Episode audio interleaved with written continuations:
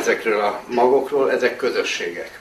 Tehát ez nem egy program, nem egy mit tudom én micsoda, ezek közösségek, méghozzá önműködő, önvezérelt közösségek. És, és itt a hangsúly a közösségen van, mert a mai világ pont ezt veszi el az emberektől. És azért veszi el tőlünk, hogy félelemben tartva uralkodhassanak fölöttünk azok, akik uralkodnak. Ha újra megtaláljuk egymást, akkor, akkor ez egyszerűen szétosztik ez az egész rémálom, ami ma rajtunk van. Szóval erről szólna egy nagyon röviden az egész előadás, sorozat, és ez 7 plusz egy előadásból áll. A nyolcadik előadáson, ez a plusz egy előadáson, ezen majd eldöntjük közösen, hogy lesz-e Veszprémi mag, vagy nem lesz, jó?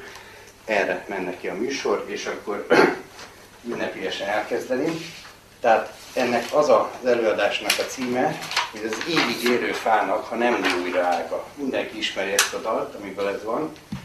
Nagyon röviden a következő, nem kell semmit látni, elmondom, hogy mit kéne látni, jó? Tehát ez Kum, a sítáknak a szent városa. Úgy a lényeg, hogy látszik, hogy buszok, vagyis nem látszik, hogy buszok állnak, mögötte van egy híd.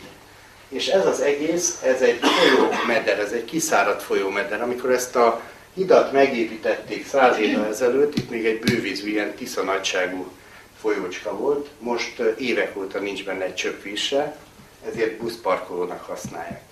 Na most ezt csak azért vetítem, hogy ennyire gyorsak ezek a folyamatok, amik pusztítják a, a földünket és pusztítják az élő környezetünket, és nem is, az a, nem is az a baj, hogy ilyen folyamatok vannak, hanem az a baj, hogy ezeknek a megállításával már elkéstünk. És egyetlen egy példát fölrajzolok, hova rakjam, hogy ez látszódjunk, meg én is.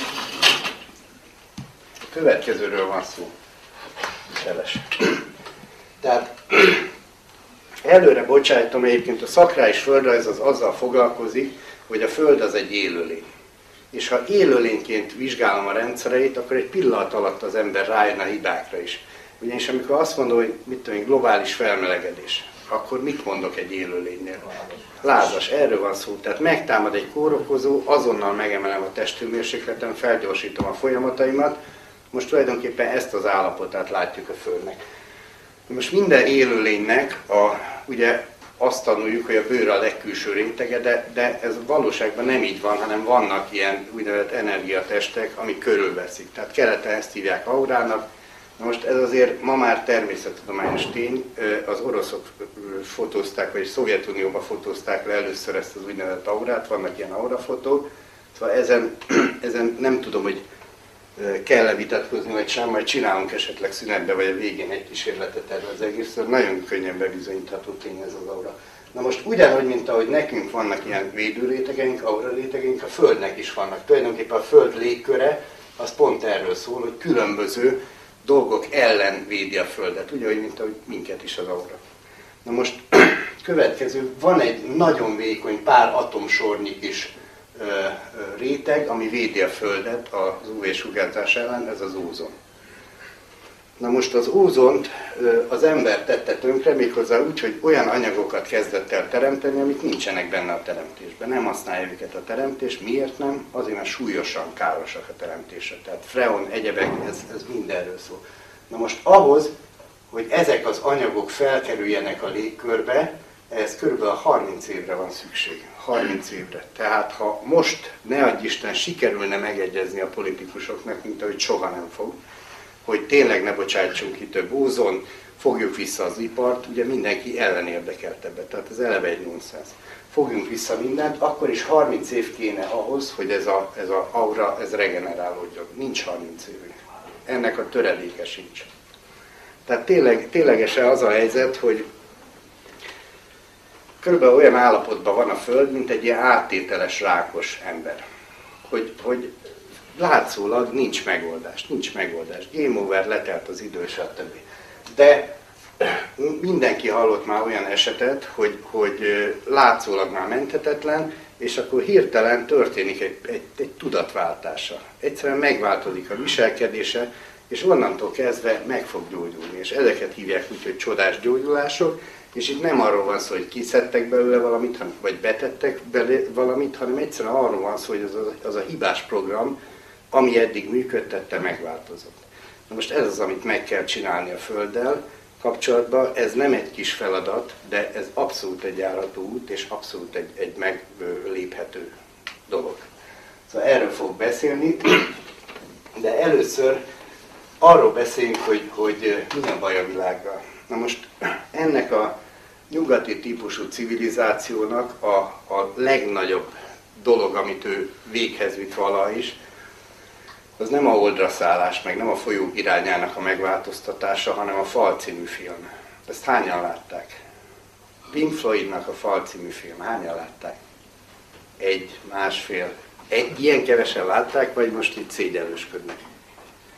Most nagyon röviden arról szól a film, tehát ez miért hatalmas ez a film? Mert gyönyörűen diagnosztizálja azt, hogy mi a hibája, mi a, mi a baj ennek a civilizációnak. Tehát ugye ez a civilizáció ez úgy működik, hogy felépül az emberek közti fal, amiről az egész film szól. És ez a fal gázol a virágokon, gázol a templomon, gázol át a játszó gyereken, ugye még emlékszünk erre a kis filmbetétre, most tényleg erről. Tehát gyönyörűen látszik, hogy ez a baj, hogy létrejött az emberek közt egy fal, és az emberek és a természet közt egy fal. És emiatt nem tudunk tulajdonképpen emberi módon viselkedni. Na most én arról szeretnék pár szót beszélni, hogy hogy jött létre ez a fal. Ehhez egy-két példát megnézünk. A legegyszerűbb talán az úgynevezett ártéri gazdálkodás. Ez a következőről szól.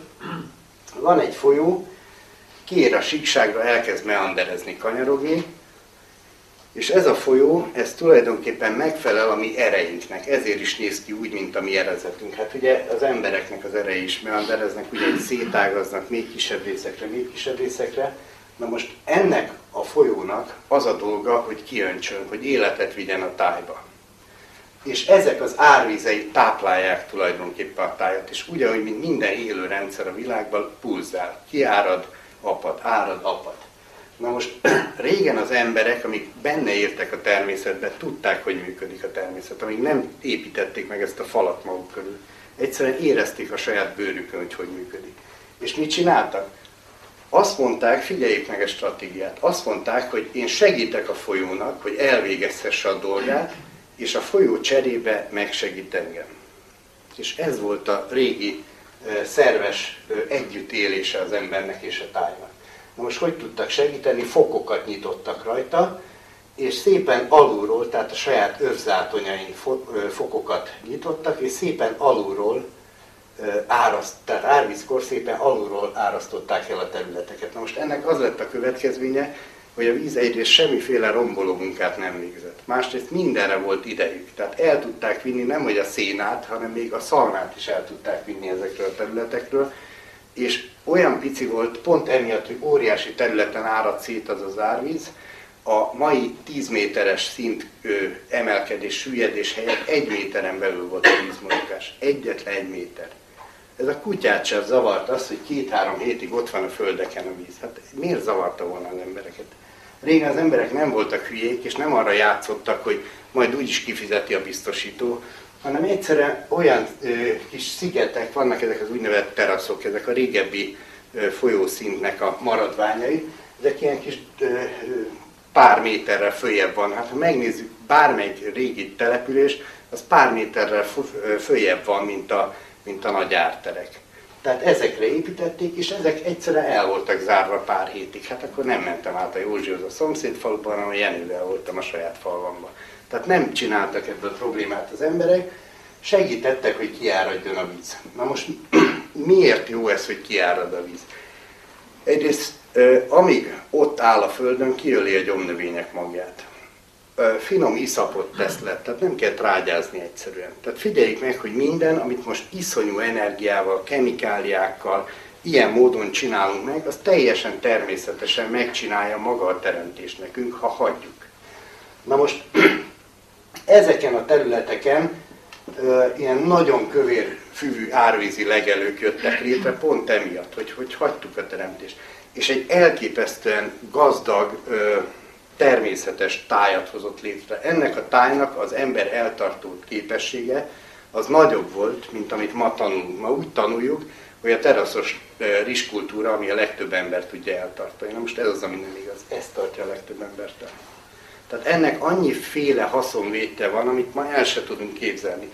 Legelőt ad még nagyon kövér ö, füvű legelő. Tehát ezt nem tudom, tudjuk-e, de azért valahol nyilván tudjuk, hogy, hogy középkorban egész Európát Magyarország látta el hússal. Hát lábon hajtották ki ezeket az óriási szürke marha csordákat, ugyebár, és ezt egy viszonylag szűk terület adta Magyarországon, ez a Debrecen környéke, tehát a Sárléti rét, a Karcagi, Sárléti rész, Karcagi terület, ezek, ezek mind-mind ilyen vizenyős, időnként vízzel borított részek voltak. Hortobágy folyó ezer egy kis ágon keresztül futott a tájon. Hát most nézzük meg, ha már Hortobágynál tartunk, kilenc lyukú hidat építettek rá, ez nem tűnt föl senkinek, hogy vajon miért építenek egy kilenc lyukú hidat egy ilyen kis, kis csermelyre? Vagy hát ott van az Ádori híd, ugye? Az ma már a pusztába áll. Egyszerűen el, eltűntek alól a vizek. Iszonyú károkat csinálunk, pont a vizekkel csináljuk a legnagyobb károkat. Na most ennek milyen haszonlét volt, mint az állatokat elmondtam. Ezeken a följebb levő területeken mezőgazdaságot lehet csinálni, ahol állandóan van víz, tehát nincs gond, nem kell öntözni, nem kell töszörögni vele. Aztán lehet madártojást gyűjteni lehet madár tollat gyűjteni. Hát régi leírásokból lehet tudni, hogy egy, egy ilyen darutól olyan értéket képviselt, hogy egyszerűen hagyományozták egymásra az emberek. Aztán mit lehetett még? Lehetett csíkászni, lehetett pákászni, lehetett halászni, mindent lehetett ezen a területen, és elképesztő mennyiségű ember tartott el, de hogyan? És ez a poén az egészben. Most ugye azt mondtuk, hogy a teraszos rizskultúra. És hát ma úgy tanuljuk, hogy hát ez a csúcsa a mezőgazdaságnak, ami elképzelhető. Csak egyet nem vesz észre az ember, hogy milyen áron. Hogy egész nap, mint az inger varógépot hajolgat ez a szerencsétlen kínai, és, és vala, ahhoz, hogy egyáltalán meg tudjon élni. Itt meg mindent megad a táj. Na most van egy nagyon érdekes felmérés, érdemes utána nézni, egyáltalán ezek az úgynevezett primitív népek, már a nevéből is látszik ez a, ez a, ez a hülye felsőbbrendűség, ami a mai emberben benne van. Ugye ez a minden tudás egyetemjének a gőge, hogy majd én, majd én tudom. Na most ezek az úgynevezett primitív népek, akikhez képest egyszerűen a fasorba se vagyunk, se tudásba, se a természettel való kapcsolattal. És, és mielőtt ezt tovább folytatom, egy fél mondat. Nekem van jelen pillanatban három diplomám, meg két nyelvvizsgám és szeretnék annyit tudni, mint amennyit a saját parasztnagyapám tudott. Mert ő még tudott házat építeni saját magától. Tudott állatokat gyógyítani, értett a mezőgazdasághoz, értett a csillagok járásához, értett az embergyógyításhoz, értett mindenhez. Hát hol van a mi tudásunk ehhez képest, hogy, hogy az embernek van egy olyan diplomája, mondjuk, hogy a bolha lábán a lábszőröket nagyon jól osztályozni tudja, és mondjuk ő egy biológus. Szóval vegyük észre, a korlátokat, mert amíg nem, visszük, nem veszük észre a saját korlátainkat és saját lehetőségeinket, addig nem tudunk a, a, a saját utunkon elindulni. Na visszatérve erre a területre, ebbe az volt a szenzációs, hogy különösebb munka nélkül adott megélhetést. Tehát nem kellett egész nap töszörögni, az embernek volt arra ideje, amire lejött. Amire idejött a földre, hogy az emberekkel, a többi emberrel való kapcsolatra, a közösségre, a közösségi szertartásokra, a táncra, a mulatságra, am, amiért idejöttünk. Na most hogy lett ennek a rendszernek vége, mert az is nagyon érdekes. Úgy lett ennek a rendszernek vége, mi mindennek, ami szerves a világon, jött a pénz. Jött a pénz. Eleve majd beszélünk a magyar nyelvről, Mindenesetre Egyenlőre csak annyit mondok, hogy nem véletlenül mondjuk, hogy megmagyarázunk dolgokat, és nem megcsekedünk, meg nem megfranciázunk, ugye, hanem megmagyarázunk. A magyar nyelvbe nagyon mély mélységeibe lehet belelátni a teremtésbe, majd erről lesz szó. Most egyelőre csak annyit, hogy ennek hogy hívták azt az embert, aki ezt a tervet kiötölte és végrehajtotta. Vásárhelyi Pál, nomen est omen. Tehát tényleg a vásárhelyre kellett a pénz. Vagyis a vásárhelyre kellett a hely. Tehát a KMK hadseregnek elkezdtek nagyon nagy mennyiségbe, sőt, hát akkor még nem is a KMK hadsereg volt, a hadseregnek nagyon nagy mennyiségű búzára volt szüksége. És tulajdonképpen ezt a búzát kezdték el ezeken a területeken ö, ö, termeszteni, csak ez ugye területek kellettek, le kellett csapolni ezeket, le kellett csapolni, és folyót kellett szabályozni. Na most ezt már az akkori emberek ragyogóan látták, hogy ez, egy, ez, ez a tájnak a halála. Tehát ez Mária Terézia idejében már elindult, és Mária Teréziát bombázták szabályosan a közösségek beadványokkal, hogy ne ülje már meg a falujukat. Ugye, és elvette az életteret az emberektől. Elvette az életteret, mi lett a következménye ennek az egész folyószabályzási históriának? És kitántorgott Amerikába másfél millió magyarunk. Mindenki tudja a verset, csak az okát nem tudja, hogy ez volt az oka egyszerre felépít, megásatták velük a saját sírjukat, nem ismerős a történelmből? Azt utána belelőtték őket, mert ez azt jelentette. Egész generációk tűntek el a, a Tisza völgyében, és mentek tönkre. És névteltek el falut. Na most mi a baj ezzel az egésszel? Az a baj, hogy e, egyrészt ez a, ez a fajta szemlélet, hogy majd én megmutatom, mi a jó a folyónak, ugye? Ez, ez annyira jellemző a szakemberekre. A szakember a szegletember. Sajnos nem látja már teljes egészében a világot, csak egy kis szegletét. És ha nem látom teljességében, ha nem látok egy rendszert, ez olyan, mint van egy kártyavár, egy nagyon bonyolult kártyavár. És nekem csak arra van jogosítványom, hogy mondjuk a piros ászokat húzhassam ki belőle, ugye? És nem látom, hogy kihúzhatom a piros ászt, csak azon áll az egész kártyavár, és az egész borul. És ez a baj a szakemberrel, és az egész mai világgal ez a baj, hogy ma mindent a szakemberek csinálnak, de olyannyira, hogy lassan már elmagyarázzák nekünk, hogy gyereket sem mit csináljunk, hanem bízzuk a szakemberre. És ezt súlykolják a nap 24 órájával. És én is tudom, én is egyetemen tanítok, és tudom jól, hogy, hogy körülbelül mit, mit tudunk ártani ezzel a szemlélettel. Na most ennek így lett vége ennek a rendszernek, és a nép természetesen azonnal elnevezte ezeket a leeresztő csatornákat. Majd nézzük, nézzük meg a vízrajzi anyagon, átok csatorna, ördögbarázda, elképesztő neveket talált rá a nép, nagyon találó nevek voltak. Tehát innentől kezdve ez, ez a lüktetés megszűnt, ez a pulzálás megszűnt, ezek a részek elkezdtek kiszáradni, ez a rész pedig elkezdett bevágódni. Miért vágódott be? Azért, mert azért meanderezik a folyó, hogy visszalassítsa magát. Ezt ki lehet kísérletezni, nagyon egyszerű, semmi más nem kell, kis lap kell hozzá, meg egy ilyen üveglap, aminek a szögét változtatom. És egy bizonyos darabig szépen egyenesen megy a víz, és egy bizonyos dőlésszög fölött meg elkezd meanderezni a víz, mert így lassítja vissza magát. Ezért vagy az öregek halántékán elkezd meanderezni az ér. Így ugye sűrűsödik a, a, a vére, és így lassítja vissza tulajdonképpen magát. Na most ami szép ebbe az egészbe, hogy ö, sokkal gyorsabban megy a folyó, és emiatt bevágja magát. Bevágja magát, mélyebbre süllyed, igen ám, csak hát ez egy összefüggő víztábla az egész Alföld. Tehát ha én a lecsapolását lejjebb viszem 5 méterre, 6 méterre, mert jelenleg körülbelül ennyivel lejjebb folyik a Tisza, mint kéne, akkor az egész vízszín bebillen hozzá, és szépen elkezdenek, mi, mi, mi lesz, ki fognak száradni a kutak, és még mi lesz? Ki fognak száradni a tölgyesek, amik valaha borították a, az Alföldet. Na most ez lett ennek a következménye, és ez még nem is a legdurvább következmény. És megmondom, hogy hogy kezdtem el ezzel foglalkozni. Nagyon sokat jártam a sivatagokat, mert egyszerűen nem tudtam elhinni, hogy az élet minden négyzetcenti helyet azonnal birtokba vesz, hogy lehet az, hogy ekkora óriási területek, mint a sivatagok, ez, ez kiadja az élet. És kiderült, hogy nem kiadja az élet, hanem ezt már az ember tette tönkre. És ezt bizonyítani tudom. Most ebben az egészben az a legérdekesebb, hogy hogy keletkezik, és a Tisza, Tisza példája meg fogom mutatni. Úgy keletkezik, hogy először ugye megcsináljuk ezt. Ezzel is óriási károkat csinálunk. Már annyit előre bocsájtok, mert lesz azért szó szakrális földrajzó, hogy mi ennek a föld nevű élőlénynek egy sejtje vagyunk. Tehát ami a Földdel történik, az velünk is történik. Mi lesz a következménye? Nézzük meg, mit csináltunk a Földdel. A Föld erejének a rugalmasságát elrontottuk.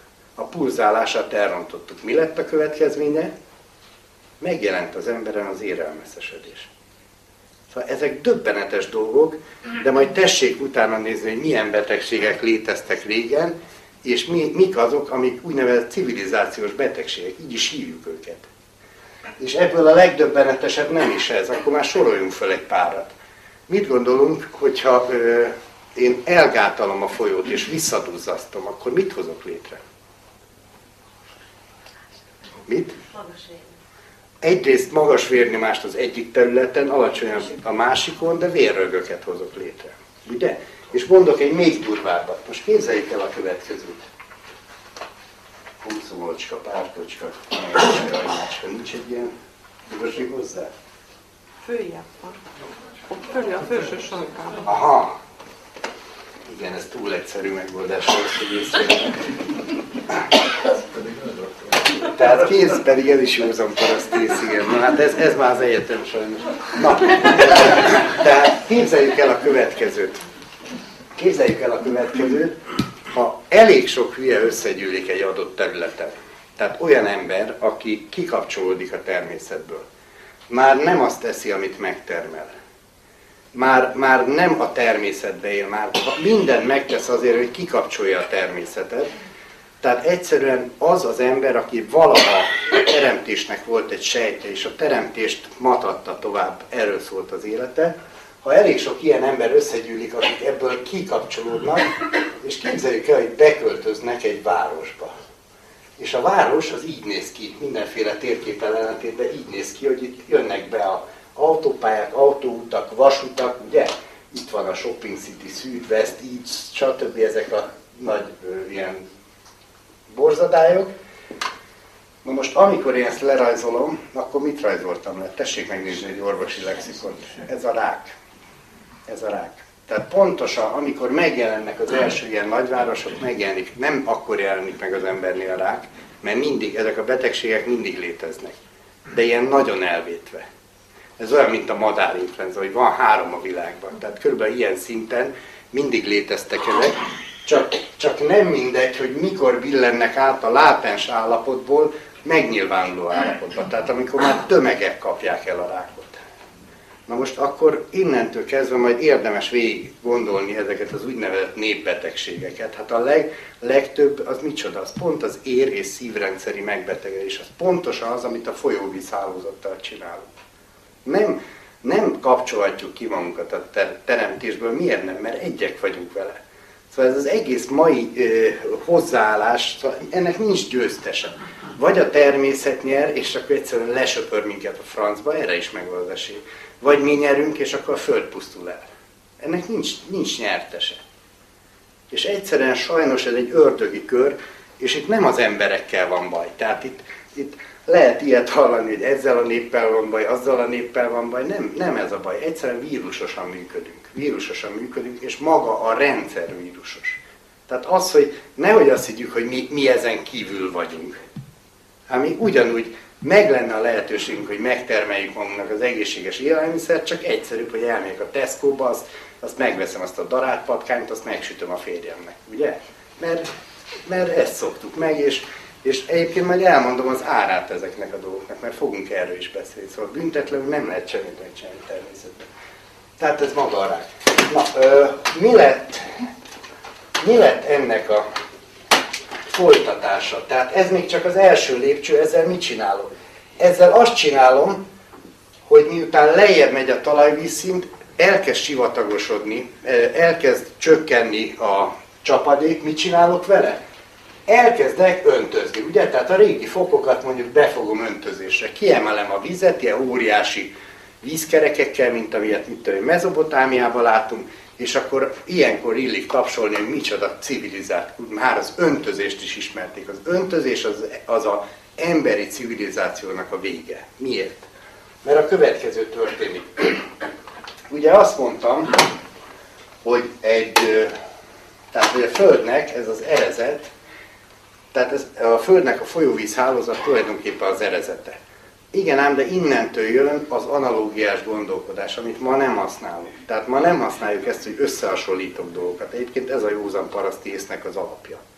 Hanem ma nem analizál, tehát egyszerűen fogunk és fölhas, nem analógiákat használok, hanem analizálok. Tehát fölhasogatom olyan kis részekre a problémákat, hogy meg tudjam oldani. De hiába tudom egyenként megoldani, akkor se tudom a szintézisét megcsinálni. Az egész mai természettudomány erről szól és olyannyira szól, el kell menni egy mai konferenciára, ott már olyan hogy még, még a lehetősége is megszűnik a szintézisnek. Miért? Mert olyanok a konferenciák, hogy szekciók vannak, ugye? A Az egyik szekcióban a első lábának a lábszőreit számolgató tudósok csoportja van, ugye? A másodikban a hátsó lábait számolgató, ugye? És még a büfébe se találkoznak, mert nem ugyanakkor van az ebédidejük, nehogy véletlenül találkozzanak egymással. Nem, nem lehet a mai tudományjal szintetizálni dolgokat, és sajnos már évszázadok óta nem lehet. Na, tehát következő, most eléggé elkalandoztam, de az a lényeg a, az egész mondandómnak, hogy próbáljuk meg megnézni. Tehát van egy élőlény, és van, azt mondtam, egy érhálózata. Igen ám, de az embernek is kettő van. Tehát van egy olyan, aminek az a dolga, hogy szétossza a friss, egészséges, oxigéndús, stb. a sejtekhez, ugye? Ezt hívjuk úgy, hogy verőérrendszer. Tehát ennek az a dolga, hogy minden egyes sejtecskéhez eljutassa. És van egy másik rendszer, ami ugyanennek a fordítottját csinálja, mindent, ami már, ami már ö, elszennyeződött, elfáradt, ö, elmérgeződött, azt vigye vissza a forráshoz. Na most mit gondolunk, a felszíni vízhálózat az meg? Tehát ez a verőér, ez a vízér. A verőér vagy a vízér, a felszíni vízhálózat? Viszér, így van, tehát lefele folyik. Így kellett volna kérdezem, hogy felfele folyik, vagy lefele, mert így nyilván mindenki azonnal válaszol rá. Tehát így van, ez a viszér. Na most akkor hadd kérdezzem már meg, hogy miért ebből öntözünk? Miért abból öntözünk, ami már vinné vissza a mérgeket megtisztulni? Mert ha ebből öntözünk, mi lesz a következménye? Az, hogy pár generáció alatt elkezd először a föld elszikesedni. Az elszikesedés az semmi más nem jelent, mint hogy kivirágzik a méreg a tetején a, a talajnak. Ez megöli a humuszt, ugye? Megöli a humuszt, ami tulajdonképpen a talajnak az élő része, és onnantól kezdve nincs az a növény, ami megkapaszkodjon rajta. Volt egy elég döbbenetes kalandom, Irakban voltam két háború között, többször voltam, de ekkor volt ez a kalandom, hogy mindenki azt várja, hogy lebombáztak, nem bombáztak le, hanem következő volt egy hatalmas vihar elkapott minket. És már akkor nem lehetett leszállni Bagdadba, csak Ammanba, nagyon messzire tőle, és ezer kilométert kellett a sivatagon át menni a, a, a valahai mezopotámián keresztül. És az volt a döbbenetes, hogy amikor oda mentünk, óriási mennyiségű víz esett le, és amikor jöttünk vissza, az egész sivatag virágba volt, de csak a kősivatag. Tehát ahol olyan sivatag volt, hogy, hogy valahol ott mezőgazdaság volt, és ilyen elszíkesedett, elmérgesedett talajok, ott nem volt élet. Még mindig ott tehát tocsolyákba víz, és egy fű nem nőtt. Tehát ez, ez, ez a nagyon veszélyes a felszíkesedésben, hogy elmérgesedik az egész, elmérgeződik a talaj, utána elviszi a szél, és kész a sivatag és így keletkeznek, így keletkezik, bizonyíthatóan ezek a sivatagok így keletkeztek. És akkor hadd kérdezem meg a következőt. Egy nagyon alapvető kérdés. A mi őseink, ez most beleértve gyakorlatilag az eurázsiai térségnek a Tarim medencétől a Kárpát-medencéig terjedő térsége. Úgy éltek, hogy úgy adták át a tájat nemzedékről nemzedékre, hogy megkapták tisztán és működőképesen. Most képzeljük el, a buta primitív parasztőseink fölépítettek egy házat, majd mesélek arra, hogy micsoda tudás van egy ilyen házban, de fölépítették szerves anyagokból. Ez azt jelenti, hogy vert faluház volt, fagerendákkal, nátfedéllel vagy zsúgfedéllel. Egy ilyen ház két-három generációt kiszolgált, majd utána mit csinált? Szépen visszaroskadt a földbe, ahonnan vétetett, és csak egy pucka maradt utána, amit benőtt a fű. Na most mi így adtuk át generációról generációra a Kárpát-medencét, és ezt az egész eurázsiai térség általunk belakott területét tisztán és működőképesen. És ezután a civilizáció után nem maradt szemét, nem maradtak romok, ezután a civilizáció után csak pár tarsolylemez maradt. És akkor most melyik a nagyobb civilizáció, amely tönkre teszi azt a környezetet, ahol él. Legyen ez a Nílus mente, legyen ez Mezopotámia, legyen ez Görögország, legyen ez Róma. Ezek a nagy civilizációk, már a görögök is. Hát az emberi civilizációnak ott van a vége, ahol megjelenik a szemét. Mi az, hogy szemét? Próbáljuk meg definiálni a szemetet. Hm? Van egy nagyon egyszerű dolog, a szemét az, ami nincs a helyén. Ilyen nincs a teremtésben, hogy szemét. Ugye az Úristen nem teremt szemetet, hanem terem dolgokat, mi elvisz, elvisszük a dolgokat a helyéről, és elfelejtjük visszarakni a helyére. És mondok egy példát. Gyerek játszik a homokozóba, ugye ott a homok nem szemét. Tele megy a cipője homokkal, majd otthon kiborítja a perzsaszőnyegre, ott meg szemét. Ugye arról a homokról van szó. Tehát egyszerűen a szemét az az, amikor valami nincs a helyén. Na akkor most hadd kérdezzem, hogy ez innentől kezdve az Akropolis, kicsit lejjebb veszik a gyűléscsőgéből, ez innentől kezdve legyen az Akropolis. Hadd kérdezzem már meg, hogy akkor ez az Akropolis az véletlenül nem szemét? Mert ennek ott lenne a helye a márványbányákban, Atén környéken, amik mint óriási tájsebek, az egész Attikai félsziget tele van velük. És minek fölkiáltunk, hogy micsoda magas civilizáció. És hadd kérdezem már, mi ennek a funkciója? Ja, hogy templom volt. És véletlenül, hogy is mondjam, ha nem ilyen templomot épít az ember, hanem mondjuk egy szent ligete van. A templomnak mi a funkciója? Hogy az embert összekösse a teremtőjével. Ha én jobban érzem magam egy szent ligetbe, miért kéne ilyet építsek kőből? Ráadásul nagyon sok ezer munkaórával, nagyon nagy kínnal, nagyon nagy szenvedéssel. És hagyok hátra szemetet. És itt indul el ez a fajta európai civilizáció, amit már nem érdekel, hogy mi lesz majd a rádióaktív hulladék, ha majd az unokák megoldják. Nem érdekel, hogy ki fogja megfizetni majd az OTP kölcsön, majd az unokát megoldják, ugyan unokák megoldják. És ez a fajta civilizáció, ez erre épül, nem takarítja el a saját szemetét. Na most az ilyen ember nem ember, pont. És ha ezt egyszer észrevesszük az életbe, akkor elkezdjük egy kicsit máshogy tisztelni a saját őseinket. Mert ez a kulcsa az egésznek. Most képzeljük el már azért a következőt. Egy embernek ugye van két őse. Két ősnek van négy őse, négy ősnek van nyolc őse, stb. Az a lényeg, hogy csak a honfoglalás korától, ami végül is csak egy mérföldkő volt a magyar történelemben, messze nem akkor indult a történelmünk, ez kb. egy milliárd ember. Csak a saját őseim, ha visszamegyek odáig. Ugye ezek kettő hatványok. Ez kb. egy milliárd ember. Ha én megtagadom azt, amiért ők éltek, amiért, az, amiért életüket és vérüket áldozták, akkor egy milliárd embernek a munkáját teszem semmisé. Azért egyszer gondolkozunk el ezen, mert egy kicsit máshogy fogunk élni. Na, tehát az a lényeg, hogy pontosan az a fajta nyugati civilizáció egyébként gyönyörűen látszik a bagdadi. Tehát volt ez a bizonyos bagdadi múzeum, ami, ami egy elképesztő gazdag múzeum volt, ott tényleg ilyen tízezer évekre visszamenőleg ott volt az egész emberi civilizáció. És ami számomra döbbenetes volt, hogy, hogy mondjuk időskálát használok. Itt valahol megjelenik az ember, egyébként ez nagyon bizonytalan ez a kezdőpont.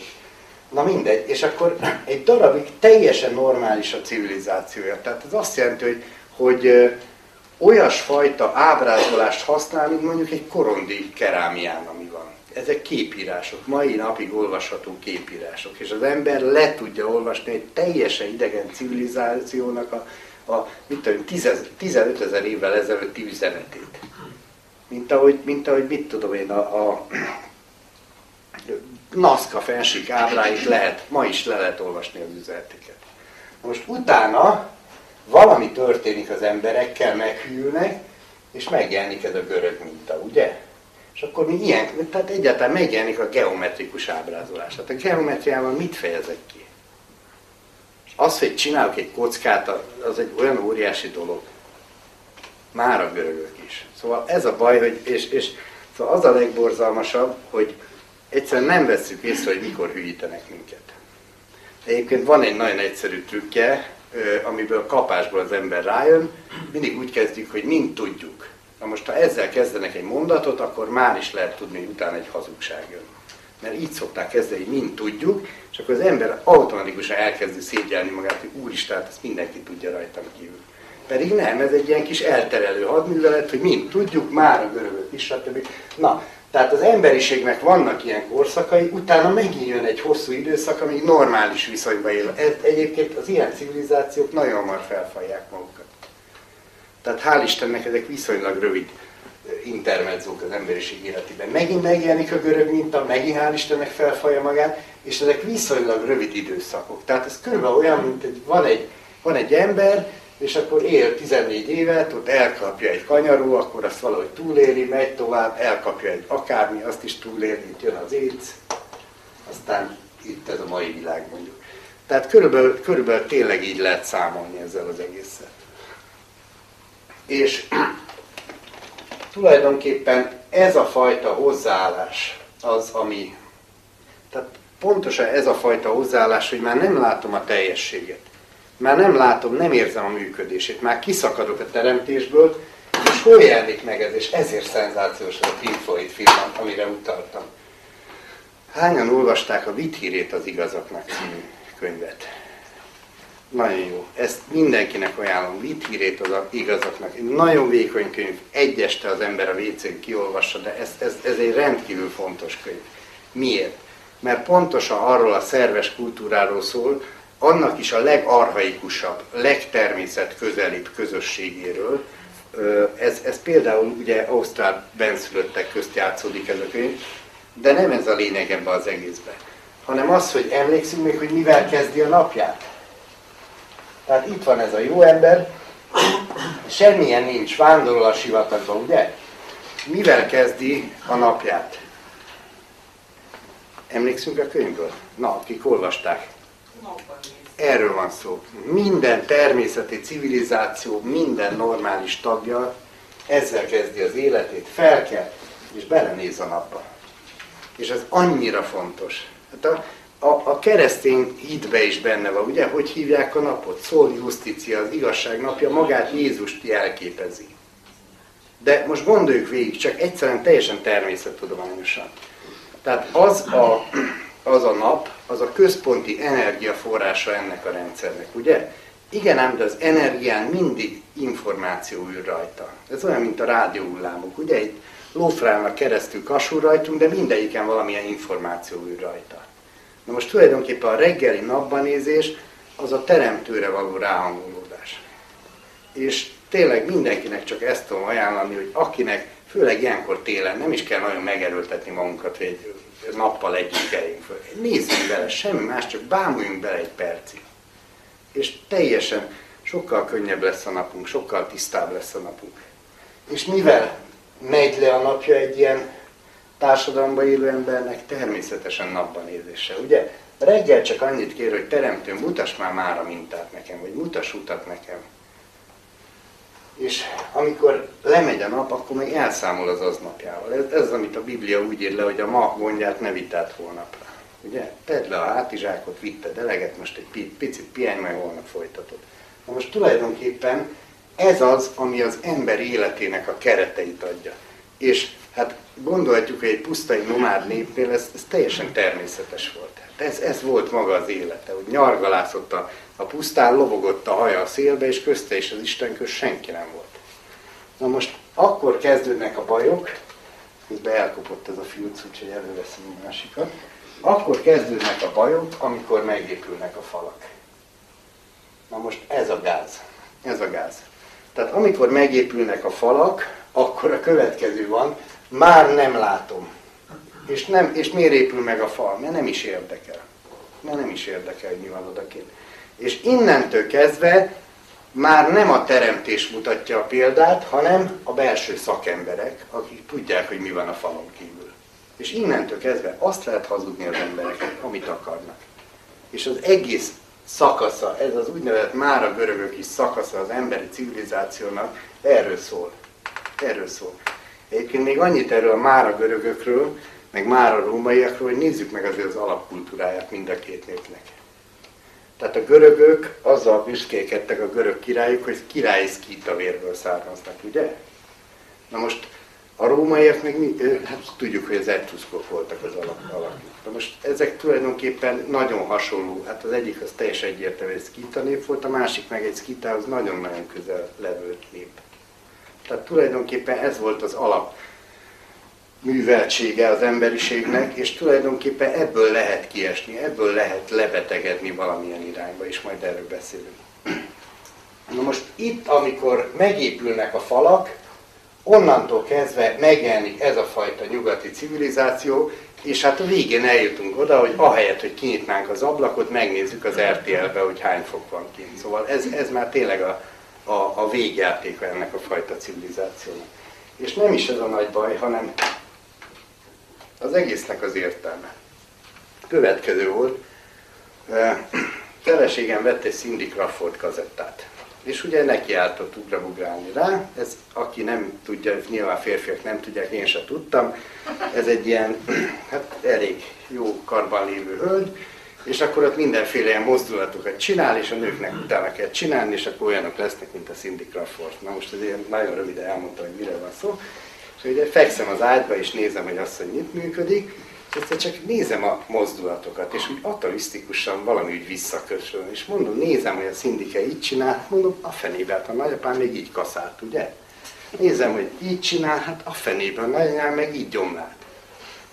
Csak annak még értelme volt. Na most ez a slusszpoén a mai civilizációban.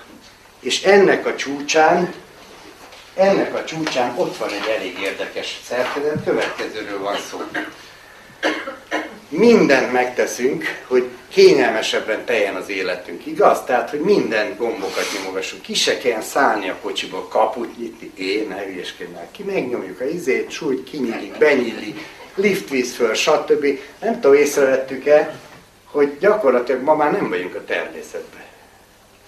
Tehát még annyi időre sem, amíg kinyitjuk a kaput. Ugye ki be a fűtött garázsba, szépen kinyíl, stb. liften fölmegy. Szóval ez valami teljes üllet. És minden időnk, aminek a közösségi dolgokkal kéne például foglalkozni, vagy a családommal, vagy a gyerekeimmel, ezek mind-mind elmennek, hogy idézőjelbe kényelmesebben éljek. Na most mi ez, hogy kényelmesebben élek? Minél több gombot lehessen nyomogatni. Mi lesz a következménye?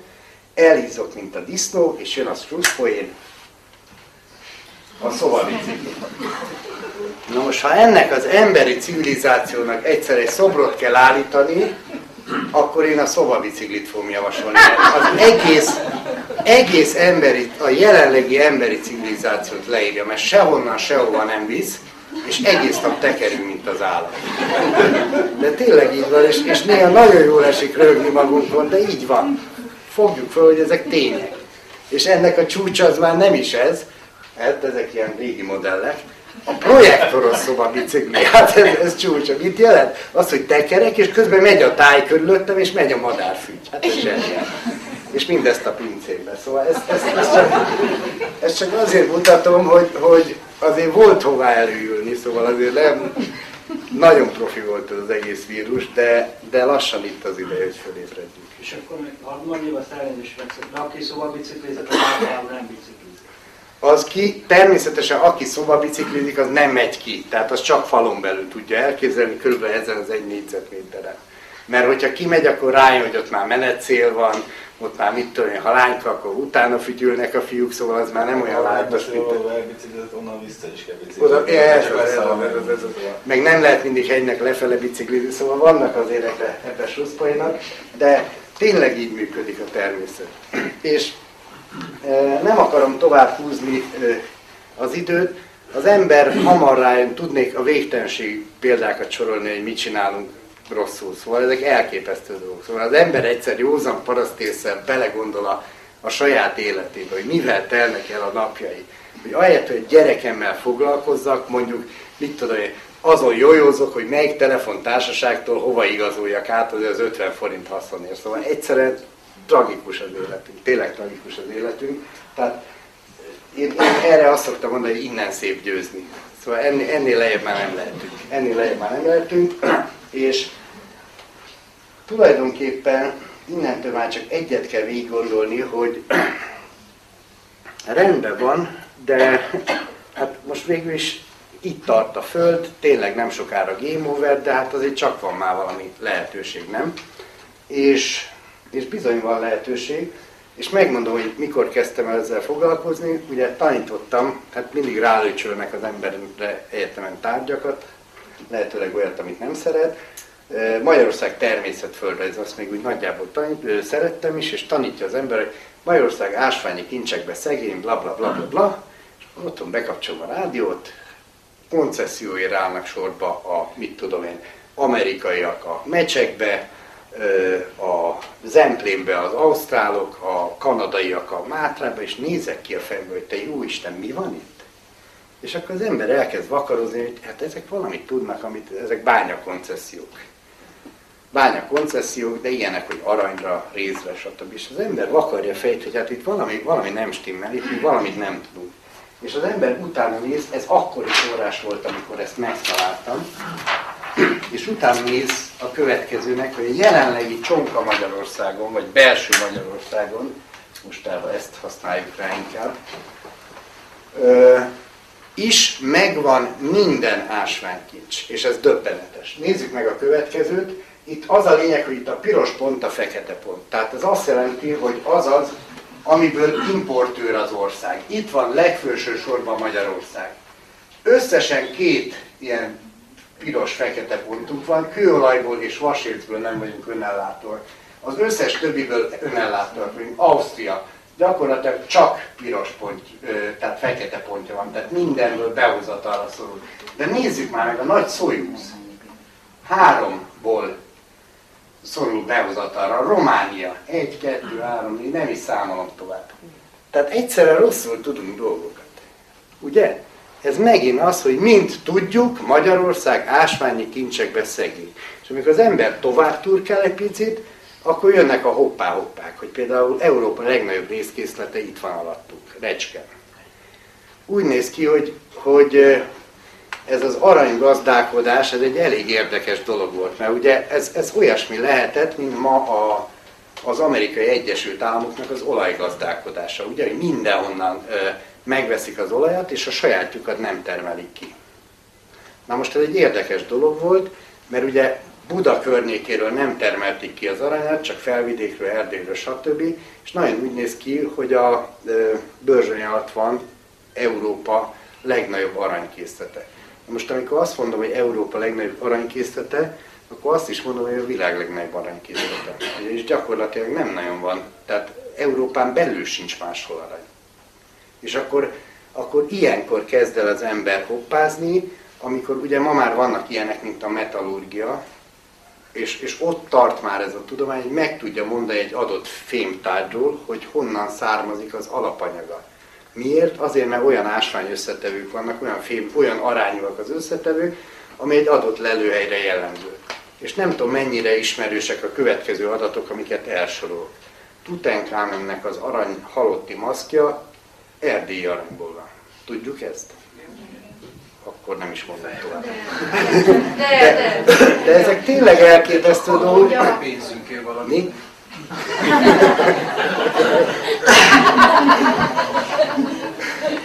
Na, akkor mondok még egy-két, mondok még egy-két érdekes dolgot, mert, mert nem, nem biztos, hogy mind ö, trivialitás.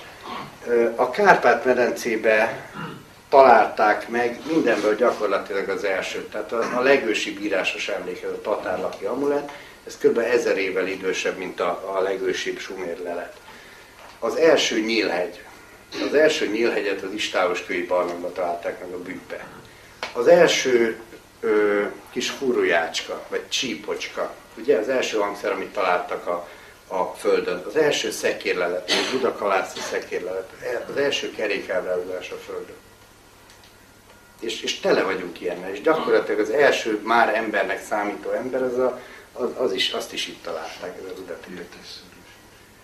Tehát ez, ez, egy, ez egy elég érdekes, elég érdekes dolog, és, és ez, ezért nagyon, nagyon el kell gondolkoztassa az embert. Nagyon el kell gondolkoztassa az embert, mert itt jön rögtön a második tétel, hogy a, hogy, hogy a Kárpát-medence valami egész elképesztő módon védett. És, és mit jelent ez, hogy védett? Na most például elég gyakran előkerül az a dolog,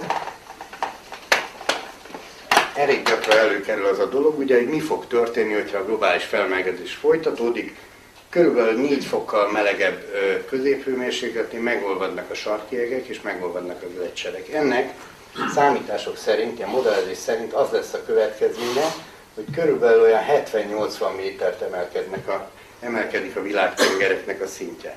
Most a Kárpát-medence körülbelül 90 méternél kezdődik. Tehát valamiért ezt megúszunk. Na most már látunk egy másik következményt, próbál visszahűteni a Föld. Mi a, hogy próbálja ezt? Úgy, hogy megfordít áramlási rendszereket. Tehát vannak hatalmas hűtőrendszerei ugye a, a Földnek, tengeráramlások, széláramlások és magmaáramlások. És tulajdonképpen ez a felfokozott szeizmikus tevékenység, hogy mindenütt már földrengések, tengerrengések, ez annak a következmény, hogy próbálja magát visszahűteni a Föld. Tehát bizony a szeizmika is fokozódni fog. Tehát erre fel kell készülni, hogy egyre több földrengés lesz. Na most itt mi lesz a helyzet? Az lesz a helyzet, hogy Kárpát-medencét ez megint csak nem érinti, mert nincsenek komoly tektonikus zónák. Tehát ehhez még hozzáadja az ember azt, hogy a Kárpát-medence az nagyon különleges viselkedésű hely. Miért? Azért, mert egy, egy kemény burokkal, egy eléggé átjárhatatlan hegyekkel körülvett védett terület, ugye? Hát persze ezt se így tudjuk, mert mint tudjuk, a Kárpát-medence átjáróház. De akkor most nézzük meg ezt az átjáróházat. Nézzük meg ezt az átjáróházat. Volt egy nagyon érdekes dolog, ez az Árpád vonal volt. Ez egy elképesztően jó védelmi vonal volt, végülis nem is tudták az oroszok áttörni, hanem tulajdonképpen egy árulás folytán a hátukba kerültek. Mikor jött be az első orosz katona Magyarországra? Szovjet katona, pardon. Na? Ne, er, tehát a Kárpát-medencébe. 44. Így van. Tehát 44. augusztusában törték át a, a ö, szajadikó, 9 törték át az Árpád vonalat, vagy hát kerülték meg az Árpád vonalat. Mm, mikor szabadult fel kis hazánk? 45 már április. Igen. Na most ez akárhogy is nézzük, 10, 11, 12, ez föl tudta mondjuk körülbelül egy olyan majdnem egy évig tartani a világ legnagyobb hadseregét. Na most még egyet kérdezek meg, hogy mikor érték el Berlint? 45 május. Május 15-höz. Ja, hogy egy hónap alatt Berlinben voltak, és még majdnem egy évig föltartóztattuk őket. Mint tudjuk átjáróház. Igen? Bocsánat, azért Berlinben nem a Kárpát-medencén keresztül támadott a második ukrán front, hanem az Oderánál. Jó, az, ez rendben van, és az Oderánál mennyi idő alatt jöttek át? Két és három. Három. Három. legerősebb ellenállás volt a Oroszországot, Három önben már ugye. Na de miért az Oderánál? Hát ha ez egy átjáróház, Egy nagyon szimpatikus ér, nekem is nagyon tetszik. ha átjáróház, akkor, akkor miért nem erre jöttek? Hát az lett volna logikus, nem? Hát ha egy átjáróház, akkor nyilván mindenki, ez a népek országútja, mindenki itt jár keresztül kasul, ugye? Csak a történelmünk nem erről szól. Szóval ez az, ez az a bizonyos mint tudjukoknak a rendszere. Na, nem ez a lényege, hanem ez egy abszolút védett hely, Ott van föld. igen, mindig. Abszolút védett hely, és ráadásul alkalmas arra, hogy ősi kultúrák itt kialakuljanak és megmaradjanak. És ez a poén az egészben, hogy tulajdonképpen az ősi alapkultúrák azok nem változtak, és ez gyönyörűen megvan. Tehát a kezdet-kezdete óta lakott a Kárpát-medence, túlélte végül is ezeket a ö, ö, vagyos időszakokat is. Miért? Két okból. Egyrészt ö, nagyon magas itt a geotermikus hő, elég vékony a földkéreg, és a hőforrások nagyon sok területet át tudnak fűteni. És ha megnézzük ezeket a leletanyagokat, mind ezeken a helyeken vannak. Tehát ez a hévíz, hogvíz, toplica, tapolca, ezek mind azt jelentik, hogy hévízes területek. És ezeknek a környékén el kell, érdemes megnézni ezeket a múzeumokat. Összevethető a leletanyaguk, ugye mondjuk egy mezopotámiai múzeumnak a leletanyagával, mert ugyanolyan mélységig mennek vissza. Elmegyünk a Budapesti Történeti Múzeumban, és ugyanolyan típusú halotti urnák vannak, ugyanolyan típusú idolok vannak, mint mondjuk ö, Mezopotámiában. Szóval ez a döbbenetes, hogy itt nem, nem csak, hogy megma, tehát létrejött kultúra, ugyanis ahhoz, hogy egy kultúra létrejöhessen, ahhoz egy zárt terület kell, egy védett terület kell. tehát ami elég védett ahhoz, hogy ö, ö, meg tudják magukat védeni, és ahhoz pedig elég nagy, hogy ki tudjanak fejlődni. Tehát egy ilyen szűk völgyben nyilván, soha nem fog kultúra létrejönni. De ugye, hogy egy steppén sem maradhat meg egy kultúra sokáig, mert jön a következő is elsöpri. Tehát ahhoz, hogy élet kialakulhasson, és magasabb kultúra jöhessen létre, ahhoz bizony egy viszonylag ilyen védett része kell a teremtésnek. Na most, ami érdekes, Móra Ferenc gyönyörűen leírja. Tehát Móra Ferencet ugye ma, mint írót tartjuk számon, pedig nagyon komoly régészeti munkát csinált ott Szeged környékén, és leírja, ugye ő semmi más nem csinált, mint megint józan paraszti eszével, meg egy ásóval végigásott egy-két ilyen szkíta, meg hún, meg egyéb sírt, és a következőt írja le, ö, ezek a, mi is ennek a neve? Hun, hun avarsírok, hun meg nem azok. Azt hiszem, hogy ez, a, ez a, ennek a leírása, vagy ennek a könyvnek a címe. Ott leírja, hogy például az a csengettyű, amit a halott, tehát a, a, a ö, csecsemő holteste fölött talál a sírba, a mai napig azza, azt a fajta csengőt, tehát ezt a gömbös csengőt rakják föl a gyerek fölé a, a pusztai ö, ö, emberek.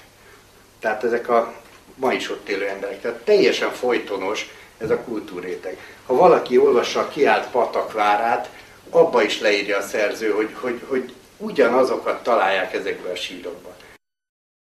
Találnak Egyiptomba szürke marhaszerű állatot, meg, meg itt is, tehát ezt onnan hoztuk, de ma már hát ez, ez röhely. És ez egy, ez egy egyetemi tanár, pont a minden tudás egyetemén volt, egy gödölői úri ember, ráadásul én onnan jöttem, ezért zavar különösen. Tehát bebuz, bebizonyítja, hogy az olaszoktól jön a szürke marha. Na most ezt annyit kell tudni, hogy a legnagyobb felvásárlónk az az olasz piac volt. Tehát ők fogyasztották a legtöbb szürke marhát, és ez, ez volt az egyetlen olyan fajta Európában, ami kibírta ezt, hogy, hogy nem hogy fogyott, mi, tehát elindítanak innen mondjuk egy egy tonnás, másfél tonnás jószágot, másfél tonna élő húst, és nem így, mint mit tudom én, most Ausztráliából elindítják, az két év múlva idején lefagyasztva azt, mit tudom én, hanem lábon, ugye? És elindítják, és nem, hogy ö, ö, csökken a testsúlya, hanem még, még, még pluszba felszednek kilókat. És ezekre jött, ugye voltak a tőzsérek, hajcsárok, hajtották ezek óriási idegen. Na, mindegy, tehát ez a lényeg, hogy minden megvan valahol a világban, meg a Kárpát-medencébe, és akkor mi azt mondja, hogy ezt innen hoztuk, ezt onnan hoztuk, azt ahonnan, mindent valahonnan hozunk. Ez a tipikus kisebb rendőrség, amit belénk voltanak egyszerűen. Kicsi vagy, magyar vagy, vagonkérdés vagy, bőrgatya, csikós, gulyás, stb. ismerjük, ugye? És az ember húzza magát össze, és ezzel nem ez a baj, nekem semmi bajom senkivel, tehát mindenki ezt megteheti szabadon, hogy összehúzom magam, kicsire kérek engedélyt meghunyászkodni, csak az a baj, hogy nem ezért jöttünk le a földre. És utána megyünk majd vissza, és akkor odállunk a teremtőnk elé, azt magyarázkodhatunk, hogy tudod, atyám, ezt azért nem csináltam meg, mert letelt a munkaidőm, meg én kicsi voltam oda lenn, meg mit tudom, ez, ez nem működik ez a műsor. Szóval ezen kéne elgondolkodni, hogy, hogy tényleg olyanok vagyunk-e. Az a baj, itt az ember egy, a legnagyobb segítség, amit a másik embernek meg tud adni, teljesen mindegy, hogy ez férfi, az nő, az, az magyar, nem magyar, egyetlen egy, hogy tükröt tart neki. Valódi tükröt. Ma nincsenek valódi tükrök a világban. És ez, ezért nem működik a világ. Én csak azt mondom, hogy próbáljanak meg ebbe a tükörbe, amit mutatok bele, nem kell elfogadni, meg, meg ugye amikor a öregeink nem tudtak valamit eldönteni, ők nem heveskedtek, ugye nem utasították el azonnal, meg nem kötöttek ki azonnal a hídgyűlinéssel, hanem mit mondtak? Aludjunk rá egyet. Én ennyit kérek, hogy hazamennek, amiket elmondtam, majd aludjanak rá egyet. Jó, azt, azt eldöntik. Na, tehát ezek így szépen mindent összeszedtünk. Ugye a nyelvünk ugyanilyen, mint tudjuk. Ezt a tótoktól loptuk, ezt a románoktól, ezt a törököktől, ezt a németektől, stb. Feleségemet úgy hívják, hogy Piroska. És akkor elkezdtem otthon vakarozni egy ilyen ráérős időben. A magyar nyelv egyébként úgy működik, mint minden, ami él a teremtésbe, hogy van egy törzse, egy gyöke, és arról ágadzik, bogozódik, rügyeződik, rabozódik, már felhívnám a figyelmet, hogy ez a ragozó rendszer, ez elég ritka a világban. Mert amit mi ige ragozásnak hívunk mondjuk egy németbe, vagy egy, egy oroszba, vagy egy, egy angolba, az nem ragozás, az toldalékolás. Konjugálás vagy deklinálás, tehát teljesen más technika. A magyarban ragozás van, ez azt jelenti, hogy tovább éltetem meg még tovább, tehát a rag az annyit jelent, hogy mindig ráteszek egy picit, és egy picit módosul a jelentése. Tehát mint az élet úgy működik. És akkor nézem, hogy Hát piroska, parázslik, pörköl, párolog, pirka, stb. 50 szót összeírtam, és hát ez mind a, a tűzzel kapcsolatos, a melegséggel kapcsolatos. Hát nyilván, hogy ez valahol a PR gyökből származik, és akkor abból ügyeződik, ragozódik. És akkor az ember ö, hozzáfordul a minden tudás egyeteméhez, ugye az egyik az ótörök, a másik a szláv, a harmadik az, és nézek ki fel a fejemből, hogy most, most ezek komolyan gondolják? Ezek komolyan gondolják? Ennek az a valószínűsége, mint hogy elkezdek dobálni egy fület, egy lábat, egy orrot, egy, egy tüdőt, egy szemüveget, és ott összeáll a Géci a sarokba. Körülbelül ennyi a, ennyi a valószínűsége ennek az egésznek. Hát ez nem létezik. Tehát az, hogy összelopkodunk egy rendszert, és véletlenül összeáll a magyarba egy ragozó rendszer, hát ennek mi a valószínűsége? És, és azt hittem, hogy ezt nem lehet überelni, de lehet. Valamelyik nap vakarozok hajnalba, bekapcsolom a rádiót, jó reggelt kívánok, Kossuth Rádió, akármi. Ma Jolán napja van. Jolán görög eredetű szavunk, jelentése jó lány. Halál komolyan mondom, nézzenek utána, nézzenek, mi, Nem a bumeráng volt az ott? mi volt? Nem a bumeráng volt? Nem, ez a Kossuth Rádiónak a teljesen hivatalos kincstári ilyen, hogy hívják, jó reggelt, vagy mi a fenn nem. Na mindegy, szóval ezt csak azért mondom, mert itt baromira máshogy működik ez a világ, és nem veszik észre, és még- egyetlen egyet, szóval ezt egyetlen egy módon lehet elképzelni, és csak úgy, ha tehát tényleg ezek hasonló rendszerek, ugye? Hasonló rendszerek, hasonló a puli, itt ott hasonló a, ezek mind hasonlók. Egyetlen egy módon jöhet létre az, hogy itt minden megvan, és ott megvannak nyomokban, ez pont fordítva működik. Ha itt volt valahogy egy kultúra, ami szétrobbant, és most a szilánkjai, ugye, most a nyúl viszi a puskát, és a szilánkjai irányítják ma a világot. És erről van szó. És hogy mennyire, mennyire erről van szó, erre szeretnék egy-két. Azt hinni az ember, hogy már annyira zöld, hogy erre nincs bizonyíték, de van egyébként mindjárt. Csak még előtte egyetlen egy kis gondolatot. Mondjuk legyen ez az évkör, csak hogy ne kelljen annyit rajzolgassak. Ugye az évkört nagyon-nagyon régi, tehát az odiákus az, az, az minimum egy tízezer éve ismert rendszer. És egyszerűen abból áll, hogy az emberek megfigyelték, hogy hogy működik a természet. És ennek van négy kitüntetett pontja, ugye a tavaszi napi egyenlőség, nyári napforduló, őszi napi egyenlőség és a téli napforduló. Na most minden egyes ünnepünk, behúzódtak ezek a hegyek, nem, nem bírják a gyűlöd, és minden egyes ünnepünk ezekre a pontokra épül. Tehát ugye a karácsony az a téli napforduló környékére, a húsvét az egy mozgó ünnep, de ugye a tavaszi napi egyenlőség környékére. Itt van a Szent Iván AIDS, ami, ami nagyon fontos ünnep volt valaha, párválasztása egyébben kapcsolatos. Ma valahogy egy kicsit kikopott, de, de nyilván, hogyha újra működtetni akarjuk a világot, majd újra ezt, ezt is egy nagyon fontos ünnepé kell tenni. És itt volt a Szent Mihály nap, ami megint egy kicsit megkopott. Na most ezek az évkört négy részre osztották, ezek a kardinális pontok. Így negyedeltük a világot. Ez, ez a jel a legősibb jel, amit valaha is csinált ember. Tehát e, ezek voltak az, emberi, az első emberi nyomok. Tehát a környezetben levő első beavatkozásunk. Csináltunk karcolt köveket. Na most ezek a körosztok. Ebből származik a keresztszavuk. Na most akkor döntsük el, a szláv származik, a mit tudom, a német Kreuzból, a, az angol Priestből, mi, miből származik? Mert ott semmit nem jelent az égvilágon. Itt meg jelent valamit méghozzá, azt, ami a lényege, a kört elosztom, köroszt. Szóval ez a borzalmas, hogy, hogy ezeket a dolgokat nem vesszük észre.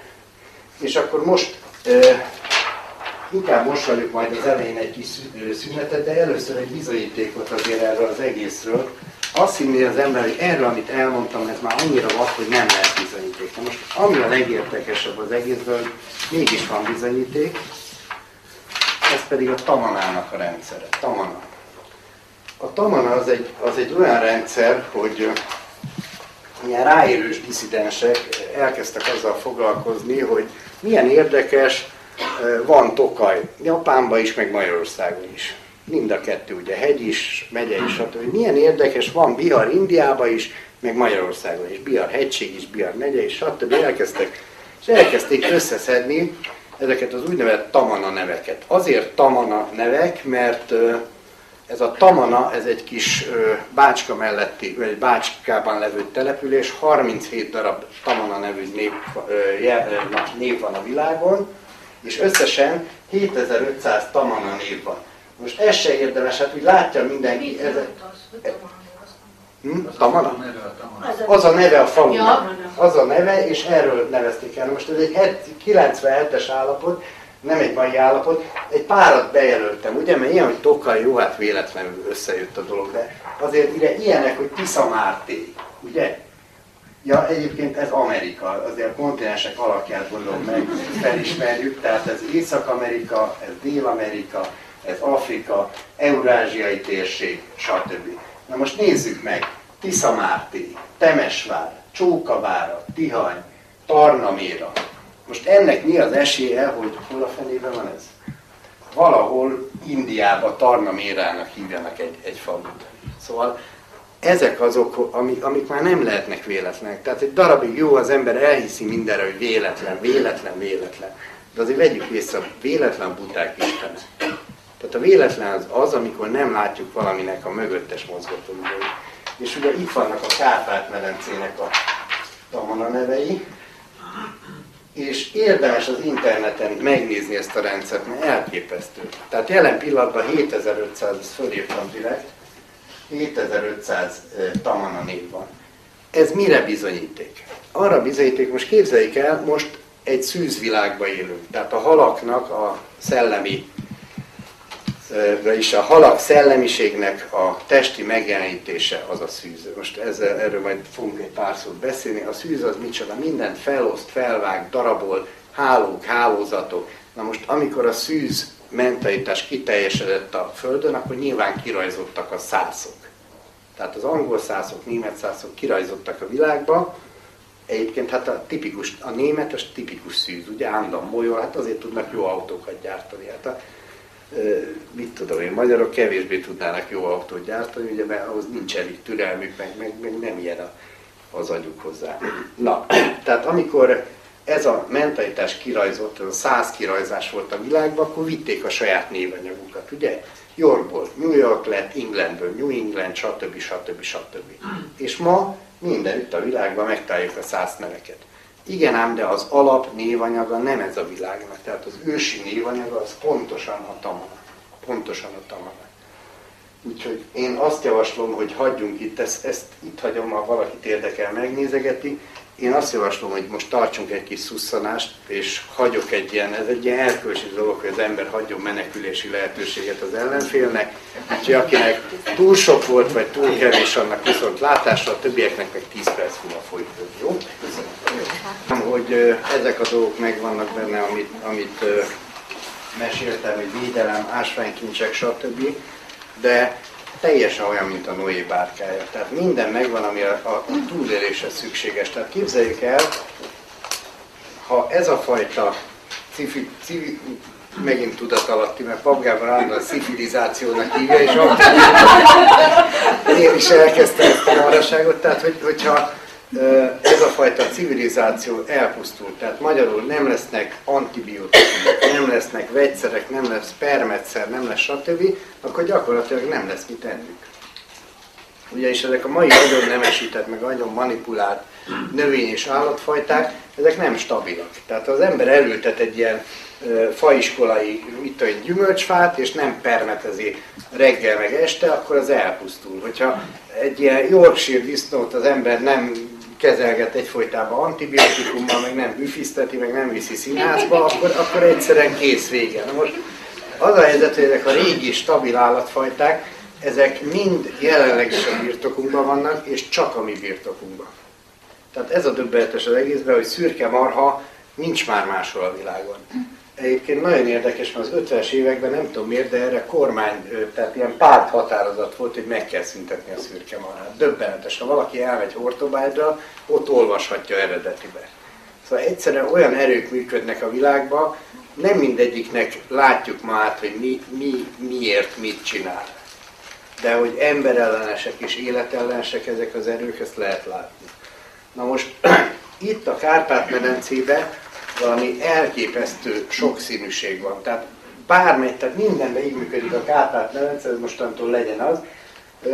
Elindulunk innen, fél óra alatt biztos, hogy elérünk egy alföldet. Fél óra alatt ott vagyunk a hegyek között. Fél óra alatt tavaknál vagyunk. Itt minden egybe van.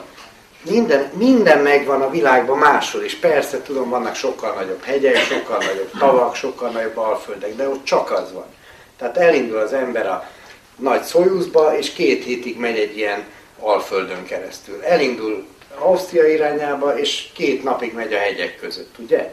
Mert ott csak az van. Tehát minden valamilyen ennek a szétesett teljességnek, ennek a szétesett tündérkertnek a romjai. És tényleg így működik a világ. És itt bizony még megvan az a teljesség mindenből, megvan növényekből, megvan, át, tehát ezek a, el se tudjuk ma képzelni, hogy milyen érték lesz mondjuk tíz év múlva egy bőralma. Vagy, vagy milyen érték lesz egy tönkölybúza tíz év múlva. Hát én, én először vetettem, szóval én nem műparaszt vagyok, de vettem pár hektár földet, és elkezdtünk barátaimmal gazdálkodni.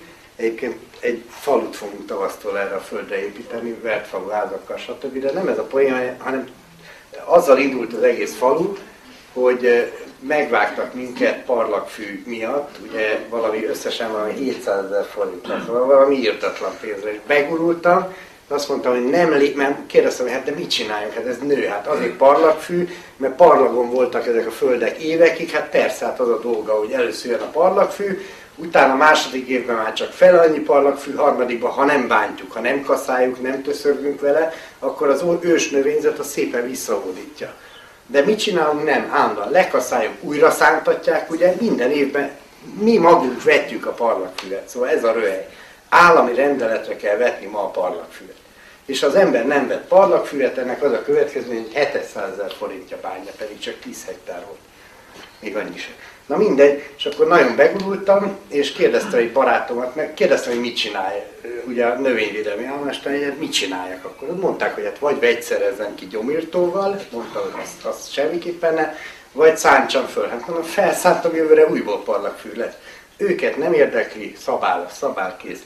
Oda mentem egy barátomhoz, hogy hát mit csinálják. Mondta, hogy hát te hát hülye vagy, vessél tönkölybúzát. Mondom, hogy mi, miért?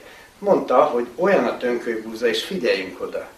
Most, ha egy növényt vagy egy állatot sokáig használ egy nép, sokáig nemesít egy nép, az átveszi annak a népnek a mentalitását.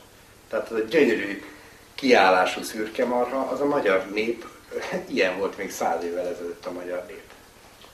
Az a puli, ami hűséges és okos, és a végtelenség hűséges a, a barátjához, a gazdájához, az a magyar nép az a tönkölybúza, amit nem szemenként kell vetni, hanem toklásszal kell, ilyen, ilyen 3-4-10 szemű toklásszal kell. Én amikor először megláttam, hogy műtrágya szóróval vetik a tönkölybúzát, hát én, én néztem ki fel a fejemből. Most a magyar nép is ilyen, szeret csoportosulni. Szeret csoportokat, családokat képezni, és akármennyire veri szét az EU, ez a jövő. Igenis csoportokba kell maradni és nem ez az önmegvalósítás, amit nyugaton eljátszanak meg, ez a szinglis élet. Ugye ott, ott a szinglik, az úgy érzi jó magát az ember a szingli, és akkor lehetőleg a nőket termékenyítsék meg mesterségesen, ne kell ezzel szörögnie, hogy szétrakja alá. Szóval döbbenetes ez a világ, és a tönköly tehát az egyik csodálatos tulajdonsága, hogy csoportosan is kell vetni, kis toklásszal. És onnantól kezdve csoportba fejlődik, tehát 30-40 szál indul neki az életnek, és e, eszmetlenül megbokrosodik, és egyszerűen mindent kitakar. Tehát nincs alatt a gyom, döbbenetes egy növény. Úgyhogy idén ö, megoldottuk a parlagfű programot, és hát ilyen bónuszként van pár száz mázsa tönkölybúzánk, amivel nem tudom mi a fenét fogunk csinálni, de majd lesz valami. Nem, ez ehető valóban, csak ahhoz kéne ilyen, ö, olyan malmot kéne szerkeszteni, ami ilyen hántoló malmot, ez, ez, ez, ezek kimentek a divatból, tehát ezeket mind újra kell csinálni. Na, egyébként hát majd az utolsó előadásban, a magprogramban pont erről fogunk beszélni, hogy mi, hogy miért, fogunk beszélni, hogy mi, hogy miért. De most a következőt szeretném elmondani, tehát mindenünk megvan az újrakezdéshez. Mindenünk megvan az újrakezdéshez. Növénybe, állatba, és ásványban, mindenben, és van egy olyan, ami, amiből gyanúsan sok van. Tehát jó, jó, megvan minden ásvány, növény, stb. De mi az, amiből, amiből több van, mint az egész világon? Zeolit is így van, az is... Nem, nem, nem, nem, nem. Gyógyvíz, gyógyvíz. Gyógyvíz, ez valami egész, de az ugye most is elhangzott, hogy hát tényleg persze, mert nekünk annyira triviális, hogy, hogy ledugja az ember a botját, az föltör egy gyógyforrás, de ez a világban nem így van. Aki, aki járkált sokat a világban, az abban kialakul egy, egy kép rólunk, hogy, hogy mennyire nem látjuk saját magunkat. Mi például minden nap legalább egyszer fürdünk. És azt hiszük, hogy ez egy teljesen triviális dolog a világban. Hát menjenek el egyszer Franciaországba, éljenek ott egy pár hónapig.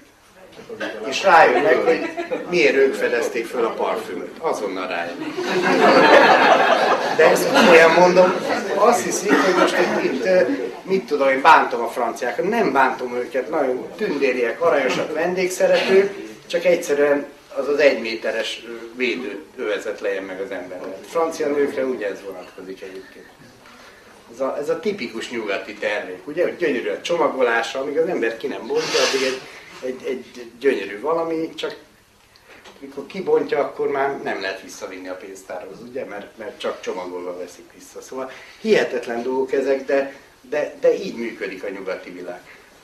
És, és az a baj, hogy mi meg nem veszük észre a saját értékeinket. Hát e, például ez jellemző, hogy amikor Bercsényi e, megcsinálta a franciáknak a, a huszár ezredeket, akkor könyörgött, már nem tudom, hanyadik Lajos volt éppen trónon, könyörgött az illetékes Lajosnak, hogy adjon már alsógatját nekik, mert föltöri a feneküket a ló. Mert nem volt alsó nemű abban időben Nyugat-Európában. És, és azt hiszi az ember, hogy, hogy, hogy mindenhol így van minden a világban, mint itt, de nagyon nem így van. És, és ezért érdemes, én komolyan mondom, a rajta múlna, kihajtanám az összes hőzöngő fiatalt nyugatra. Menjenek csak ki, hadd tanulja meg. Ezt úgyis haza fog jönni. Nem azt kell megakadályozni, hogy kimenjenek, hanem azt kell értékessé tenni, hogy hazajöjjenek. Tehát, hogy utána tártkarokkal tékozó fiúnak a példabeszéddel, ugye? Majd amikor a disznó, disznók vájójából eszik ott kint, akkor rájön, hogy milyen jó az a hazai családíz, ugye? És akkor majd a jobbunkra ül, mint ahogy a tékozó fiúban van. Na, tehát ezt azért mondom, mert amiből viszont nagyon sok van a világ, a Kárpát-medenceiben, az a gyógyvíz, egyet már felsoroltunk, na a többit. Valaha egész Európa ide járt gyógyfüvet gyűjteni a Tisza völgyébe, Tisza ártéri területein annyi gyógyfű élt, hogy az egész világ, egész Európa ide járt gyógyfüvet gyűjteni. Hát például ugye Csontvárinak a leírásaiból lehet tudni, hogy ők jártak le a Tátrából ide gyógyfüvet gyűjteni. Mi van még? Valaki már elpötyögtette az előbb az eolitot. Tényleg, az eolit egy gyógyító ásvány, még fogalmunk sincs, hogy mire képes. Az ember gyógyítja, de nem csak az ember gyógyítja. Pár dekával termőtalajt lehet varázsolni a sivatagba, de akkor már folytatom alginit. Nagyon sok ilyen ásvány van, nagyon sok ilyen ásvány van. Gyógynövény, gyógyvíz, gyógyító ásvány nem kezd valami kialakulni? És akkor még egy-két dolgot elmondok hozzá, elképesztő mennyiségű gyógyító van Magyarországon. És akármilyen orvos, természetgyógyász, csontkovács kimegy innen nyugatra, legalább egy 600-as mercivel jön haza. Miért? Azért, mert az a tudás, ami, ami itt van az emberekben, az a gyógyító tudás, és nem az a gyógyító tudás, az a gyógyító program, az a vágy az emberekbe, hogy, hogy szeretnének a másikon segíteni, az megint egy különleges érték. És akkor itt jön a slusszpoén, hogy még egy különlegesség van. A Magyar Szent Korona, az tulajdonképpen a Kárpát-medencének a, a vezérlő programja. Ez körülbelül olyan, mint, a, mint az atomerőmű. Van egy atomerőmű, de amíg bele nem dugom a, az urárudat, addig az egy halott technikai kacat. Ugye? Most a, a Szent Korona az tulajdonképpen ez az uránút. És a Szent Korona képi programja az a Kárpát-medencének a vezérlő programja. Na most a képi programja az hogy működik? Van nyolc eh, apostol és nyolc szent, ugye? És a szentek sorában ki van hátul? Ugye itt vannak az abroncson, a keresztpántokon, és az abroncson van nyolc. Tehát fönn is nyolc, lenn is nyolc. És itt ugye elindul eh, Gábriel, Szent Mihály, stb. És itt, ahol az ösztönös tudása van az embernek tehát a, a tarkó tájon két gyógyító szent van, Damián és Kozma. Tehát a magyar királyt, amikor koronázták, egyszerűen beleégett ez a tudás, hogy neked nem az a feladatod, hogy hódítsál, neked az a feladatod, hogy gyógyítsál. És az összes nagy pofont akkor kaptuk a történelembe, amikor nem a feladatunkat csináltuk, és hódítottunk ahelyett, hogy gyógyítottunk volna. Érdemes utána nézni. Nézzék meg a magyar történelmet. De akár egy trianont is. Amikor már magyarok mit tudom én, Dél-Amerikába kalandoztak, hogy éppen valamelyik kedvenc Hasburgunknak a, az éppen aktuális játékát játszák, akkor kaptuk ezeket a pofanokat. Például a Trianont akkor kaptuk. Nézzenek majd utána, nagyon-nagyon tanulságos ez az egész. Na, tehát a Kárpát-medencének a feladata egyértelműen a föld és az emberiség gyógyítása. Pont. És hangsúlyozom, ez nem a magyarság feladata, ez a Kárpát-medence feladata. A magyarság a Kárpát-medencén belül a mag. Benne van a nevébe. Magyar az magerő. Ez a nevünk. De ezen kívül még vannak népek körülöttünk, akiknek az a feladata, hogy egy-egy részfeladatot tovább csináljanak, tökéletesítsenek, pontosítsanak. Tehát a Kárpát-medence működés az mindig ilyen volt. Ez nem egy összepofozott rendszer, ezt nem kellett soha hatalommal összepofozni, már az elejétől se hanem úgy működött, hogy ahogy egyre sötétebb lett a világ, és egyre hidegebb lett, az emberek elkezdték keresni a fényt, és itt a Kárpát-medence közepébe égett egy tűz. És egy olyan Európába, és tessék utána nézni most annak, amit mondok, egy olyan Európába, ahol olyan égénységek voltak, hogy egymást ették az emberek. Ma nem hiszük el, pedig az ő forrásaikba szerepel, még csak nem is a mikrónikáinkban. A mikrónikáink ilyenekkel nem foglalkoznak. Van egy olyan központi hatalom, ami szilárd, ami emberséges törvényeken alapul, ahol jó élni, ahol jó lakni. És elkezdtek az emberek ide gyülekezni, és nem kellett ezeket összepofozgatni. Hát ezek, általában nézzük meg a horvátokat, vagy bármelyiket. Hát itt, itt ők csatlakoznak, kérik a Szent Koroda fennhatóságának a kiterjesztését. Ez egy nagyon fontos dolog, mert ez egyben mutatja azt is, hogy mi a jövő. Itt nem hadakoznunk kell mondjuk a tótokkal vagy a románokkal, hát ez már régen rossz. Meg kell várni, csinálni kell dolgunkat, újra élhetővé kell tenni az életet, és szépen meg kell várni, amíg majd párnál hozzák a kulcsot. Mert ez a megoldás. Ez a megoldás, valamiért kell mindig küzdeni, és nem valami ellen. Ezért bukunk el állandóan, mert valami ellen küzdünk mindig. Tégy a gyűlölet ellen. Tégy a mit tudom én mi ellen. Nem lehet így élni valami ellen küzdünk, akkor azt először vissza kell tolni azt az erőt, és ha győzök, majd utána elindulatok abba az irányba. Nem. El kell menni egyszerűen a másik mellett, és majd ha neki megy a falnak, jön utána. Ennyi. És ezt vegyük nagyon komolyan. Na most, amit a gyógyításhoz fizikai síkba kaptunk, azt elmondtam. Gyógyvizek, gyógynövények, gyógyító emberek, stb. stb. De van egy sokkal fontosabb dolog, eh, ami ami az utolsó mencsvárunk. És ezért mindig mindenki kérdezi, hogy mi lesz, elprivatizálják ezt, szétlopják az országot. Most én erre egyet tudok mondani, na és? És ezzel mindenki teljesen meg van döbbenve. Ez engem azért nem érdekel, mert a földet nem tudják elvinni, ugye? Földet nem tudják elvinni, nyelvünket nem tudják elvenni. Most ez a két igazán fontos érték. Vagy többi a smafu. Hát most vigyék el, vegyék meg a mávot, vagy vegyék el, vegyék meg a malévet. Nem akarom mondani, hogy mit csináljanak vele.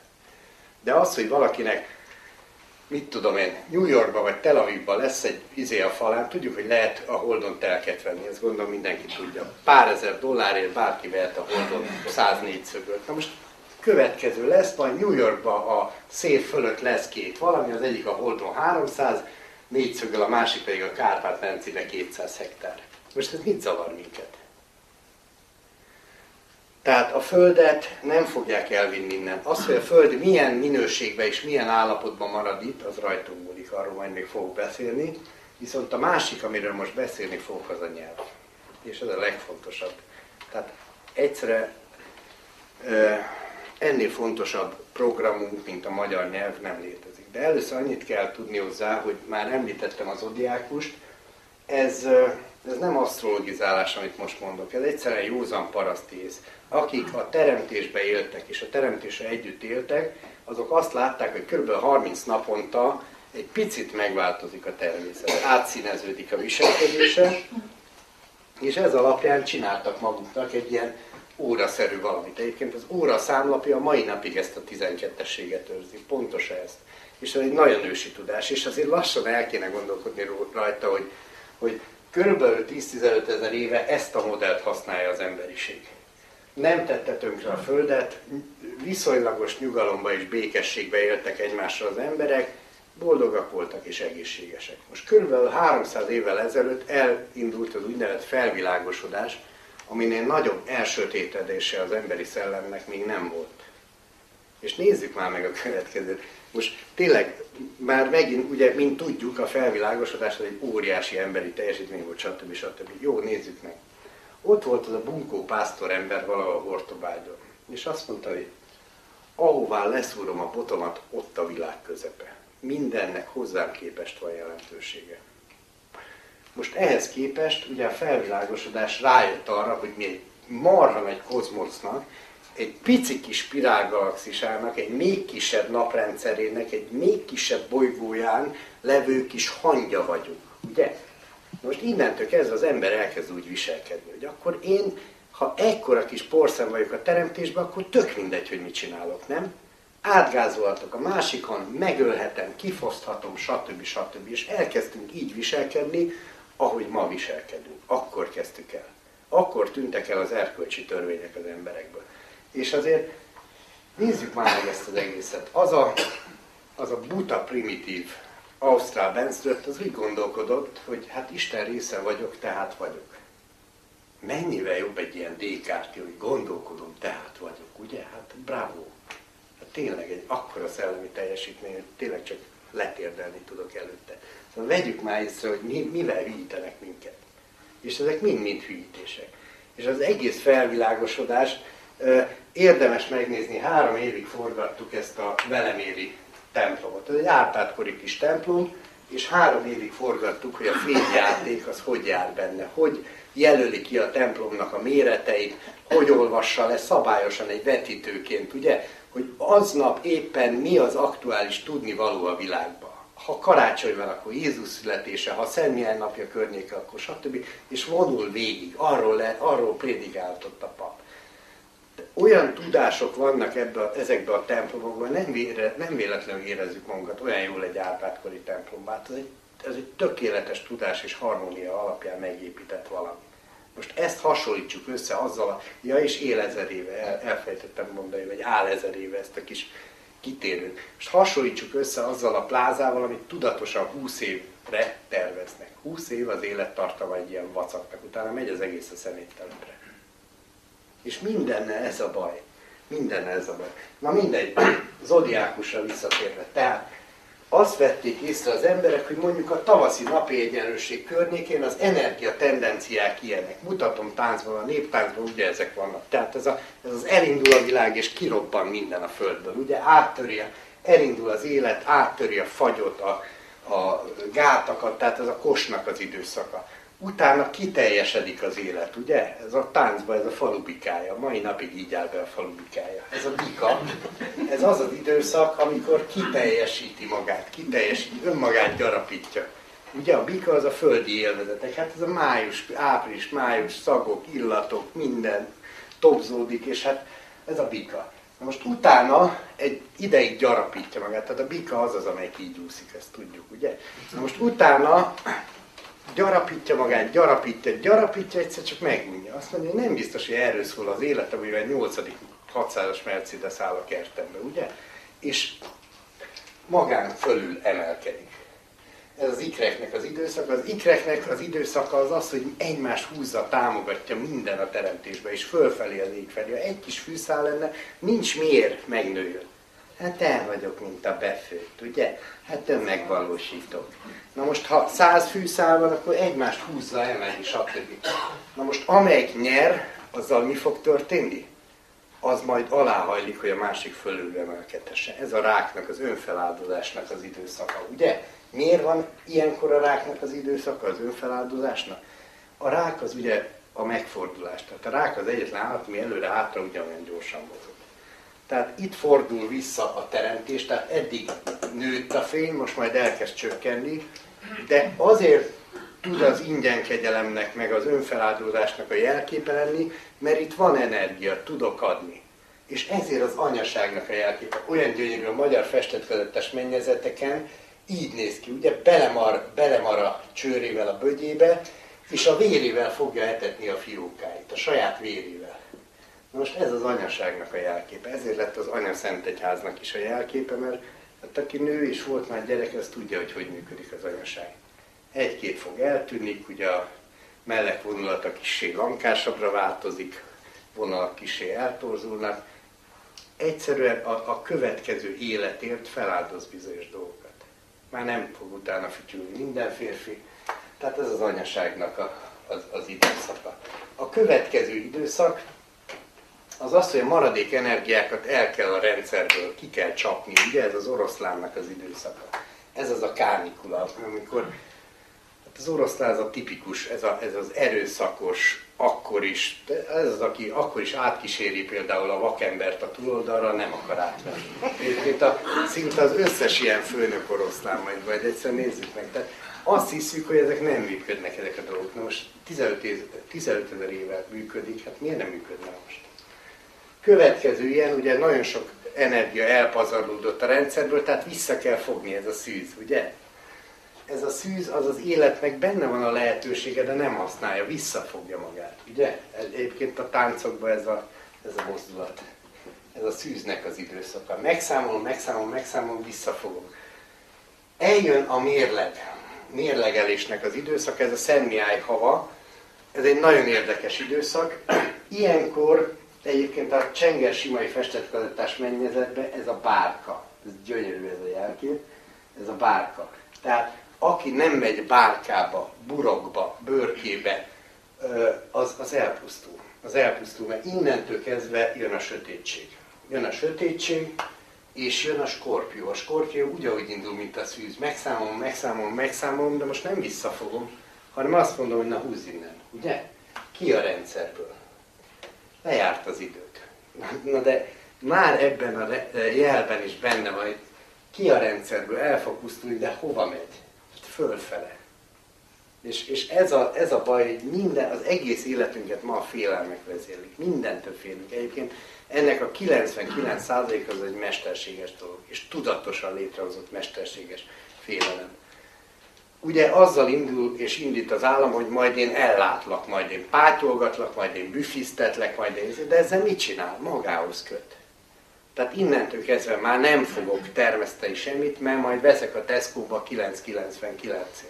Csak egyet, egyet felejtel mindenki, hogy jó, az a, mit tudom én, három éve lefagyasztott argentin háromfejű csirke, az valóban csak 9,99, csak egy baj van vele. Ad hozzá a gyógyszerköltségeidet, add hozzá az orvost, add hozzá a hálapénzt, add hozzá a kiesett ö, ö, munkát, és már is nem 999. De mindennek ára van a természetben, a teremtésben. Nincs ilyen, hogy, hogy nem, nem csinálok semmit, és mégis jól élek. Mindennek ára van. Csak ezt kezdjük elfelejteni, mert kezdjük az erkölcsi alapokat elfelejteni. Miért felejtjük el az erkölcsi alapokat? Mert nem látjuk reggel, és nem látjuk este. Na, tehát ez a skorpiónak az időszaka. A skorpió a lebontás. Egyébként ezt már a magyar néptánc, tehát ezt ugye idáig föntről. Innentől már övön alul már csak rá üt, rá mutat valamire, ugye? Tehát ez az izé, hogy ismerjük azt a viccet, ugye? Csigdánfalvi cigányhoz oda megy a metrón az ellenőr, hogy pont kívánok jegyeket, bérleteket kérni, mert cigány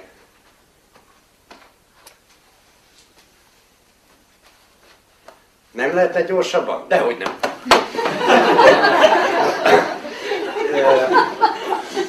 Kizökkentem, hol tartottam? Skorpió, igen. Tehát a skorpiónál már csak mutogatunk. A skorpió egyébként a, a férfinél az a nemi szerv. Tehát egyáltalán nemi szervek. Az emberi testen ugyanígy végigvonul ez az odiákus. Na azért egyet hadd mutassa meg. Jó, végigérünk rajta, és utána leellenőrizzük, hogy működik-e ma az odiákus. Tehát a nyilas az a comb, tehát amikor a combra üt az ember a táncba, az, az, az történik. Utána a bak az a, az a láb, de bak a térd, elnézést, bak a térd, az az alázat, így van. utána a vízöntő az a lábfej, és utána jön a halak, vagy boka, lábszár, halak az a lábfej, de nem is ez a poén, hanem hogy melyik hogy működik. Tehát a nyilas az egy rendkívül fontos jegy. És az évkörben is abszolút kiemelt helyzete van. Miért? Mert a nyilas felé van a nyílás. Tehát ott van a, a tejútrendszernek, tehát a tejútrendszerünk az egy spirálgalaxis. Olyan spirálgalaxis, aminek a központjában egy fehérjük van, tehát egy teremtő. Ez, ez egy most termelődő galaxis, tehát most forog kifelé, most jön ki belőle minden. És a teremtésnek a forrása, a helyi forrása az itt van. Na most itt kolbászol valahol a naprendszer, és amikor a nyilas felé van, amikor a nyilas felé van a Föld, akkor, tehát a nyilas időszakában van a Föld, ak- akkor látunk be a, a nyílásba. Egyébként hogy is áll ez az egész játék? Itt folyik a tejút, ugye? Pontosan itt folyik, és a tejúton itt is van egy nyílás. Tehát itt van egy elágazás a nyílasnál, ezt gondolom tudjuk. Tehát ez az, ahonnan minden teremtő erőt kapunk a rendszerbe. Tehát ebbe az időszakba kéne nagyon ráhangolódni a teremtésre. Ez az advent időszaka. Amit mivel töltünk a ráhangolódás helyett? Évvégi hajrával, shoppingolással, főzőcskével, minden olyannal, ami még a maradék energiánkat is elviszi. Na mindegy, nem ez a lényeg, a bak, ez a karácsonynak az időszaka. Itt minden, tehát a baknak egyébként a magyar néphagyományban ez így fog jelentkezni, ez lesz ez a bizonyos hurkos farkú sárkány. Ugye? Amelyik folytogatja, ide még szoktak ilyen izét is rajzolni, ami folytogatja a világot. Ami folytogatja a világot, ez a téli időszak, amikor elképesztő félelem van mindenkiben. Ezért van annyi koccanás, ezért van az, hogy szeretet ünnepén mindenki mindenkivel összevész, aki a környezetében van. Ez pont amiatt van, mert ne, ránk nem hatnak a csillagok. Á, nem. Gravitáció se hat ránk, semmi nem hat ránk. Azért er- ez a nem hatnak a csillagok, ez, ez, ez olyan tündéri, mert múltkor egy, egy jó múltkor volt már, tehát én, én alapvégzettségemet tekintve fizikus vagyok. És volt egy eh, szintén fizikus hölgy, akivel elég ilyen csindbe belmentem, és hát mond, mondta, hogy hát ránk egyáltalán nem hatnak a csillagok, mert azok olyan messze vannak, minden szépet elmondott, és akkor mondta, hogy te ne haragudjál már, hány napos is a havi ciklusod? Akkor így néz rám, mert ugye az, az a holdciklus ö, szabályozza. Sőt, olyannyira, hogy akinek tökéletes a, a ritmus, az fázisban van a holddal. Tehát ugye a hold mozgatja a vizeket, mindent. Tehát teleholdkor régen nem húztak fogat, nem vágtak fát, nagyon sok mindent nem csináltak. De ez a régen az azt jelenti, hogy még a háború előtt nem vágtak fát teleholdkor, mert az életben nem száradt ki. És akkor ugye, amikor ebből a minőségéből, tehát a szűz minőségéből átkerül egy vénuszi minőségbe, tehát egy anyai minőségbe, akkor a holdnak a ciklusából átkerül a Vénusznak a ciklusába, ami érdekes módon pont 9 hónap. De rá nem adnak a csillagok. Szóval olyan, olyan döbbenetes ez a, ez a gőgünk, amivel elutasítjuk a régi tudást. És ebben sajnos ebben a régi tudásban a saját nagyapám tudása is benne van. Szóval ez a tipikus, annyi láttam, hogy, hogy hazakerül ugye a, a minden tudás gőgével, meg a frissen szerzett három semmit nem érő diplomájával az ember, és akkor ott, ott mit akarsz te bugris, ugye, a saját szüleinek. És a, és a fagylalt az mindig visszanyal, ezt ne felejtsük el, mert az ő gyerekeitől ugye ezt fogja megkapni. Nagyon, nagyon figyeljünk oda ezekre a dolgokra. Na, megint elkalandoztam, tehát ez a ö, baknak a, az időszaka, ez a karácsonytája, utána ezt mossa majd szét a vízöntő, és a halak megint egy érdekes dolog, az is egy páros jegy. A magyar néphagyományban két hal ábrázolja, és az a baj, hogy az egyik halnak meg kell a másikat ennie, mert nincs elég energia. Ugye, és itt már a feltámadás jön. A feltámadáshoz baromi sok energia kell. Nincs elég energia, ezért mindig a nagy hal fogja a kisebbet megenni. Romulus fogja Rémuszt fejbeverni egy kapával, ugyanezzel a kapával Káin Ábel, stb. stb. Ez az indo-európai viselkedésmodell. Ez a légy sikeres vállalkozó, ami ma az egész életet vezérli. Tanulj jól, fiam, az osztályba, hozzá haza sok ötöst. Azt elmeséltük már a gyereknek, hogy ennek mi az ára az ötösnek? Azért, hogy ő ötös kapjon, valakinek egyest kell kapjon az osztályba. Elmeséltük neki? Vagy kis káinokat nevelünk? Vagy ez asszisztálunk egy hibás rendszerbe? Ezeket azért egyszer mindenképpen végig kell meggondolni. Na, és ugye elpusztul, definícióan szerűen mindig a jobbik fog elpusztulni, tehát feldobja egy a talpát, és majd az ő áldozatából jön újra a feltámadás, aki kelet, kos. És megy tovább a showműsor. Na most így működik a természet, a teremtés, és hogy, és hogy mennyire egyszerű ez a rendszer a következő. Tehát az emberen, ez mindenben ugye így működik. Emberbe, állatba, fűbe, fába, bolygóméretbe, stb. Na most ellenőrizzük le a rendszert. Következőről szól a műsorszám, mindenki tudja a születési horoszkópját, mert az egy divatos, hogy én rák vagyok, te mi? Na most ez a következő, ez az úgynevezett szellemi jegyünk. Szellemi jegyünk, tehát tulajdonképpen ott léptünk be ott léptünk be a teremtésbe. Én speciál a vízöntőnél, tehát azért vagyok ilyen rendkívül összefogott, meg hogy, hogy ugye még mindig tudom a mondatom végén, hogy hol kezdtem el. Na most ez a, ez a vízöntő, ez sajnos a szétfolyás. El kellett volna a dolgozó szobámról hozni egy kis képecskét, és mindenki tisztában lenne vele, hogy mi a vízöntő, mert ez ilyen foszilis rétegei vannak a különböző adóbevallásoknak, cikkeknek, stb. És, és hát egyébként teljesen úgy működik, mint egy fekete lyuk, tehát abszolút reménytelen benne bármit megtalálni. De a lényeg, hogy működik ez a rendszer? A szellemiségünket, tehát itt állunk a Földön, ugye?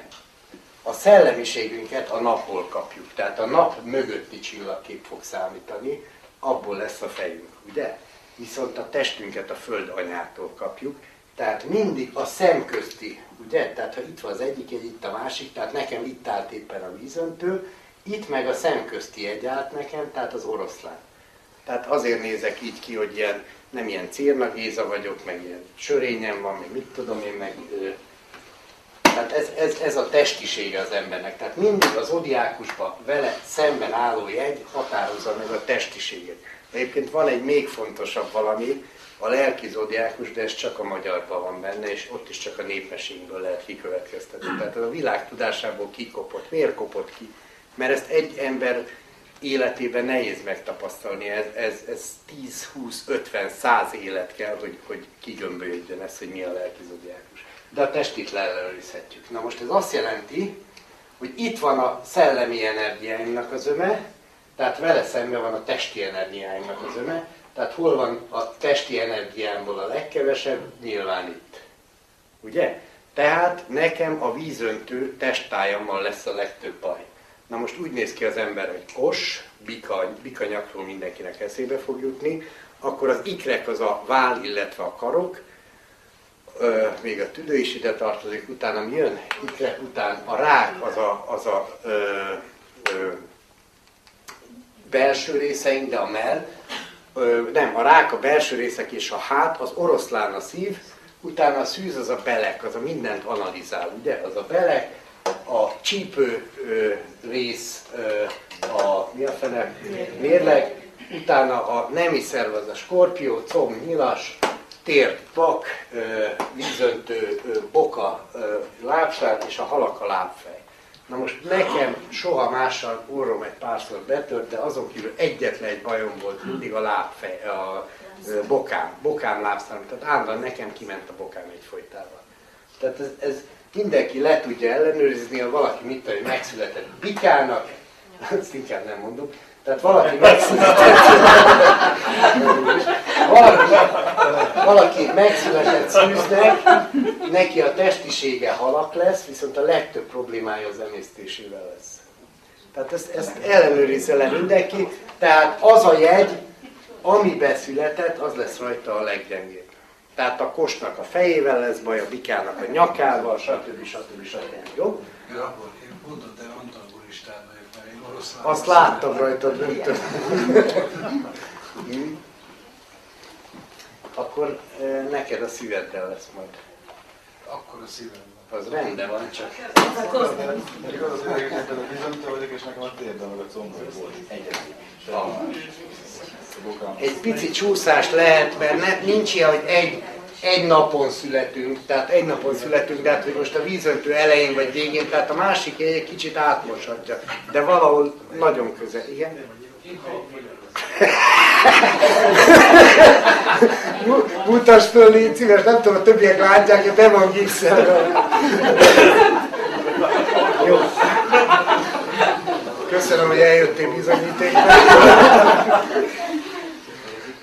Arra kérem, hogy a vastüdeit senki nem mutogasson. Jó, na, ezt azért mondtam csak el, mert ez egy jó pofa dolog, de így működik a teremtés. Ez az óramutatónak a számlapja, ebből pontosan 12 darab van, 12.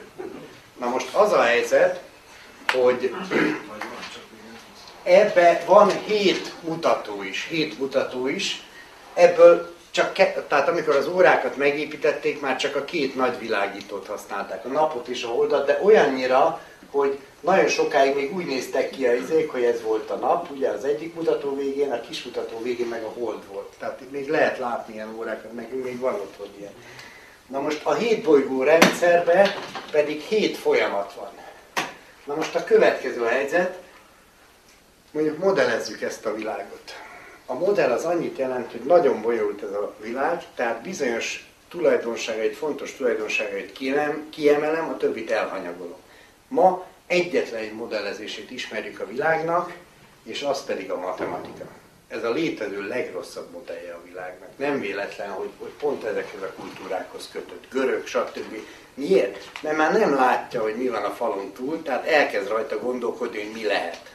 Ez a tipikus mai természettudományos hozzáállás egyébként. Hát olyan, olyan dolgokról nem ö, vesz tudomást a természettudomány, hogy, hogy mit tudom én. Van valakinél fénypénz? Van, ugye? Vegyük már elő, és egy picit melegítsük át a, a ö, kezünkkel, és utána tegyük föl a, a homlokunkra, jó? De az a baj, ide kéne egy tálca, mert az sokkal hitelesebb. Mert most azt mondják, hogy nyilván csú, ö, mit zsíros a fejem, meg mit tudom én. De most az az ábra, próbáljuk meg, ha először leesik, nem kell vele foglalkozni, gondoljunk rá erősen, hogy ott, ott maradjon. Próbáljuk már meg, próbálj már meg mindenki. Puding próbálja, hogy megeszik. Minket Nincs itt valami, nincs itt valami nagyobb cím, vagy milyen? Nem jó, majd mágneses is azt fogják mondani, hogy. Na mindegy, ezt érdemes kipróbálni, ezt próbálják meg, mert ez ugyanaz az energia, amivel gyógyítani lehet. Tehát ez a, ez a kezelés, az ember ezzel az energiával kezel. És a kezelés az nem az, hogy ketteske vigye ki az ártálat, az egy teljesen más műsorszám. Na jó van, mindenkinek működik ezért. Na most otthon a következőt próbáljuk meg, mert jönnek majd a dumák, hogy persze, zsíros a fejed, stb. Először is próbáljunk meg minél nehezebb tárgyakkal, egyre figyeljünk. Minél bonyolultabb a szerkezete, annál nehezebben áll meg. Tehát a, például a papírfélek, egy sor alátét, azt nehezebb fölrakni, mint egy 40 kilós fémtálcát. A másik meg minél közelebb van ehhez a ponthoz, ez az egyik csakránk, vagy energiacsokrunk, ugye ez a harmadik szem, minél közelebb van ehhez a ponthoz, annál könnyebb fölrakni.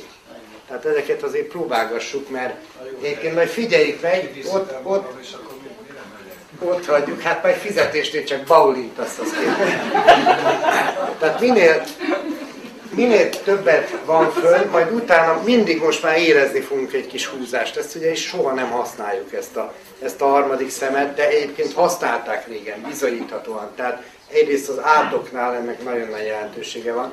A szemek közé, jól a szemek közé nézett, stb. stb. szemmel verte, az mindenre a szemre vonatkozik. De most nem népi gyógyításról beszélünk, hanem a világ működéséről majd lesz olyan, és hát ha itt elindul a mag, akkor határa csillagos. és ez az indiai pötty, annak között Az ugyanez, pontosan, pontosan, ugyanis ez is egy, na, ne, ne, ne menjünk bele, mert erre, ebbe az irányba fog elmenni, jó? Tehát a következő, inkább a következőt nézzük meg. Tehát van 12 fix minőség, és van benne 7 változó minőség. Na most ennek a világnak egy nagyon rossz hatásfokú modellezése a matematika. Miért? Például azért, mert mennyiségekkel akar minőséget leírni. Ez eleve reménytelen és ezért mindig csak egy ilyen nagyon hozzávetőleges valamit tud csinálni, mint amilyen a körnek a kerülete. Hogy számolom ki a kört? Hát úgy, hogy egy jót hazudok, ugye? Húzok bele szakaszokat, és amikor megunom, akkor azt mondom, hogy ez már majdnem annyi, vagy ahhoz tart. Szóval ez, ez a baj az egész matematikával, és ennek az a következmény, hogy én megkeverem ezt a pohár vizet, és a mai teljes természettudományos ö, infrastruktúrával ezt nem tudom leírni. Tehát semmiféle ilyen örvénylő rendszert például nem tudok leírni. De mondok egy még durvábbat. Ha két ö, tömeg van egymásnak a gravitációs terébe, azt ugye a Kepler törvények gyönyörűen leírják. Na most egy baj van, ha három tömeg van egymás gravitációs terébe, már nem tudja leírni a zárt képlettel a fizika. Ugye? Ez az úgynevezett háromtest probléma, nagy igazság. Ha fölnézünk az égre, ott nem három test van azért, ugye? Szóval ez a nagy baj a természettudomány, hogy pont az alapokat nem tudja megfogni. Na most mi az, amivel meg tudnánk fogni az alapokat? Mit gondolunk? Igen, de a józan parasztész is modellbe gondolkodik. Mivel modellezzük a világot? Bejön egy gyerek a világba, hogy kezdi modellezni? Gagyog. Gagyog. Ugyanis a legjobb modelle a, a világnak a nyelv. És erre egyetlen egy példát hadd mondjak. Az embert ugye az agykéreg emelte ki az állatvilágból. Az agykérgünknek egyharmada foglalkozik a szájjal és a mimikai izmoknak a beidegzésével. Egyharmada az agykérgünknek. Egyharmada foglalkozik a kezekkel és a, a, tehát a karoknak a mozgatásával, és az összes többi egyharmad foglalkozik a maradék testtel. Ennyire fontos, tehát úgy van kialakítva még a bőrkabát is, hogy a szája legfontosabb benne. Na most vajon miért? Pontosan ezért, mert ezzel modellezzük a világot. Ez egy döbbentes dolog, és hogy mennyire így van, hadd mondjak valamit. Ez a világ, ez úgy működik, hogy van benne folyamat, és van benne állapot. Tehát van benne 12 állapot, ez az állatöve egyébként. Egyébként azért ezen elgondolkodott már valaki, hogy ez, ez a szűz, ez miért állat? Nekem vannak tipjeim, de a nyilas miért állat? Vagy a, mit tudom én, de, vagy a bármelyik, a vízöntő miért állat? Hát több mint a fele az egyszerűen nem állat. Akkor miért állatöv? Azért, mert ez állapotöv. És a régi magyar nyelvben az állat az állapotot jelentett. Tehát az, hogy asszonyi állat, az nem azt jelenti, hogy tőgye van, hanem azt jelenti, hogy a lánysága után, ami egy folyamat, asszonyi állapotba kerül. Na, ez egy nagyon érdekes játék, mert innentől kezdve, tehát van 12 állapotunk, meg van 7 folyamatunk. Na most a nyelvünk úgy működik, hogy a más hangzók adják benne az állapotot. És tulajdonképpen csak állapotokkal is modellezhetjük a világot, tehát a magyar nyelv az adjatlan a valagan, majd csak marsangzakkal a skalát mandana. Tőprő mügyőr hűvű hűzű. Értettük? Persze, hogy értettük, mert az információ tartalmát a nyelvnek, az információ tartalmát a nyelvnek a mással hangzók csinálják, amiből egész érdekes módon a magyar nyelvben pontosan 12 plusz 12 van. 12 zöngés és 12 zöngétlen. Részecske, hullám. Nem ismerős a képlet? Vagy valami, vagy mén valahová. Ugye? Ez egy többenetes dolog, mert akkor itt valami már kezd kialakulni, hogy miért ilyen fontos a magyar nyelv. Na most folyamatból hét darab van, ezek adják tulajdonképpen, ha az előző a szellemisége volt, ezek adják a lelkiségét a nyelvnek. És mielőtt valaki elhiszi, vagy el azt hiszi, tehát ez a, ez a magánhangzó, egyébként ez benne a folyamat. És ha valaki azt hiszi, hogy hát ez akkor valami futottak még, mert ez csak módosít, akkor nézzük meg a következő egyszerű, de szemléletes példát. A magyarba a teremtő erőt ez a három betű jelképezi. N. Mit jelent ez? Isten? Sátán? Na ez a nem mindegy. Pontosan, hogy ezt a teremtő erőt hogy lelkesítjük át magunkba, attól függően működhet bennünk az Isten, működhet bennünk a sátán. Pontos ez a játék lényeg. Ez a játék lényeg. Egy teremtő erő van, és attól függően, hogy hogyan lelkesítjük át, tehát ezért fontos a lélek. Nem véletlen, hogy minden a lélekre pályázik ebbe a világba. Nem véletlen, hogy ezt támadják, nem a szellemünket támadják, mert öt perc alatt rájönnék, hogy úristen, ekkora hülyeséget mond az űrge, hanem a lelkünket. Az összes reklám az a lélekre ad, és nem a szellemre ad. És az, az összes ilyen manipulatív technika az mindig a lélekre ad, és nem a szellemre ad. Na, tehát egyetlen egy baj van ugye, hogy a teremtés az úgy működik, hogy 24 állapot van, azaz más hangzó van benne, és 14, mert mindegyiknek van egy férfi-női oldala, egy pozitív-negatív oldala. A folyamatnak mindig van egy ellenfolyamata. Ez oda viszi, ez visszaviszi. Tehát 14 magánzó van benne. Na most ennek a teremtésnek az a legjobb modellje, amiben pontosan ennyi máshangzó van, és pontosan ennyi magánzó van. Csak egy baj van, hogy egy ilyen nyelv van a világban. Ki nem mondjuk, ki nem mondjuk. Jó? Mert magyarkodunk. Csak ez ember nem érti ezt a magyarkodást, mert a csenek lehet csekedni. A finnek lehet finkedni, a franciának lehet franciázni, és a magyarnak nem lehet magyarkodni. Vajon miért? Ez nem tűnt föl senkinek. Vajon miért? Na hát ez egy érdekes dolog, és innentől kezdve van az, hogy egyszerűen, ha ezt az ember tudja, hogy ez a saját alapprogramom, hogy a teremtésnek olyan mélységeibe láthatok bele, amiről annak a szerencsétlen birkának még fogalma sincs, és nem is lesz soha, mert nem fog megtanulni magyarul. Mert á, majd dehogy is. Hát én tudok angolul. Igen? És vajon miért angolul tudsz? Ja azért, hogy az a legbutább nyelv. Azért választották közös nyelvnek. És te ezen tudsz, okos vagy, ügyes vagy. De vegyük már észre, hogy ezért választották az angolt világnyelvnek, mert ez a leghülyébb nyelv a világban. Ezt egy angol, aki nem tud egy hónap alatt ilyen makogás szinten megtanulni, hát az, az megérdemli a sorsát. Egyébként csak Magyarországon nem lehet angolul megtanulni, mert az ember kimegy két napra, megtanul angolul. És ez tényleg így van. Na most próbálj meg valaki magyarul megtanulni. Nem két nap alatt, akár két év alatt. Szóval elképesztően nehéz a magyar nyelv. Én láttam, ugye én Debrecenben voltam egyetemista, és ott voltak ilyen nyári egyetemek, külhoni, tehát külföldieknek, és próbáltak szerencsétlen magyarul tanulni. Úgyhogy amikor már az ember úgy nagyon fáradt volt, akkor elment rögni ilyen. Félelmetes volt. Na, tehát ezért van az, pontosan ez a működése a magyar nyelvnek, ami miatt nagyon nagy mélységeibe belátni a teremtésnek, mert hiszen úgy, ahogy működik a nyelvünk, mint a teremtés. Ezt egyébként Teller, Neumann, Wigner, stb. Tehát ezeket hívták úgy, hogy marslakók. Mindegyik egy érthetetlen nyelvet beszélt, soha nem tanult meg angolul, és ők találtak ki mindent gyakorlatilag.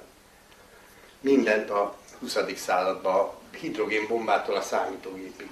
És ugye ezek mindegyike elmondta, de talán, talán Teller mondta el a legszebben, hogy azért ért el azt, azokat a dolgokat ez a, nemzet, vagy ez a ö, generáció, amit elért, mert a magyar nyelv úgy működik, ha az ember jól teszi föl a kérdést, a kérdés maga a válasz. Pontosan.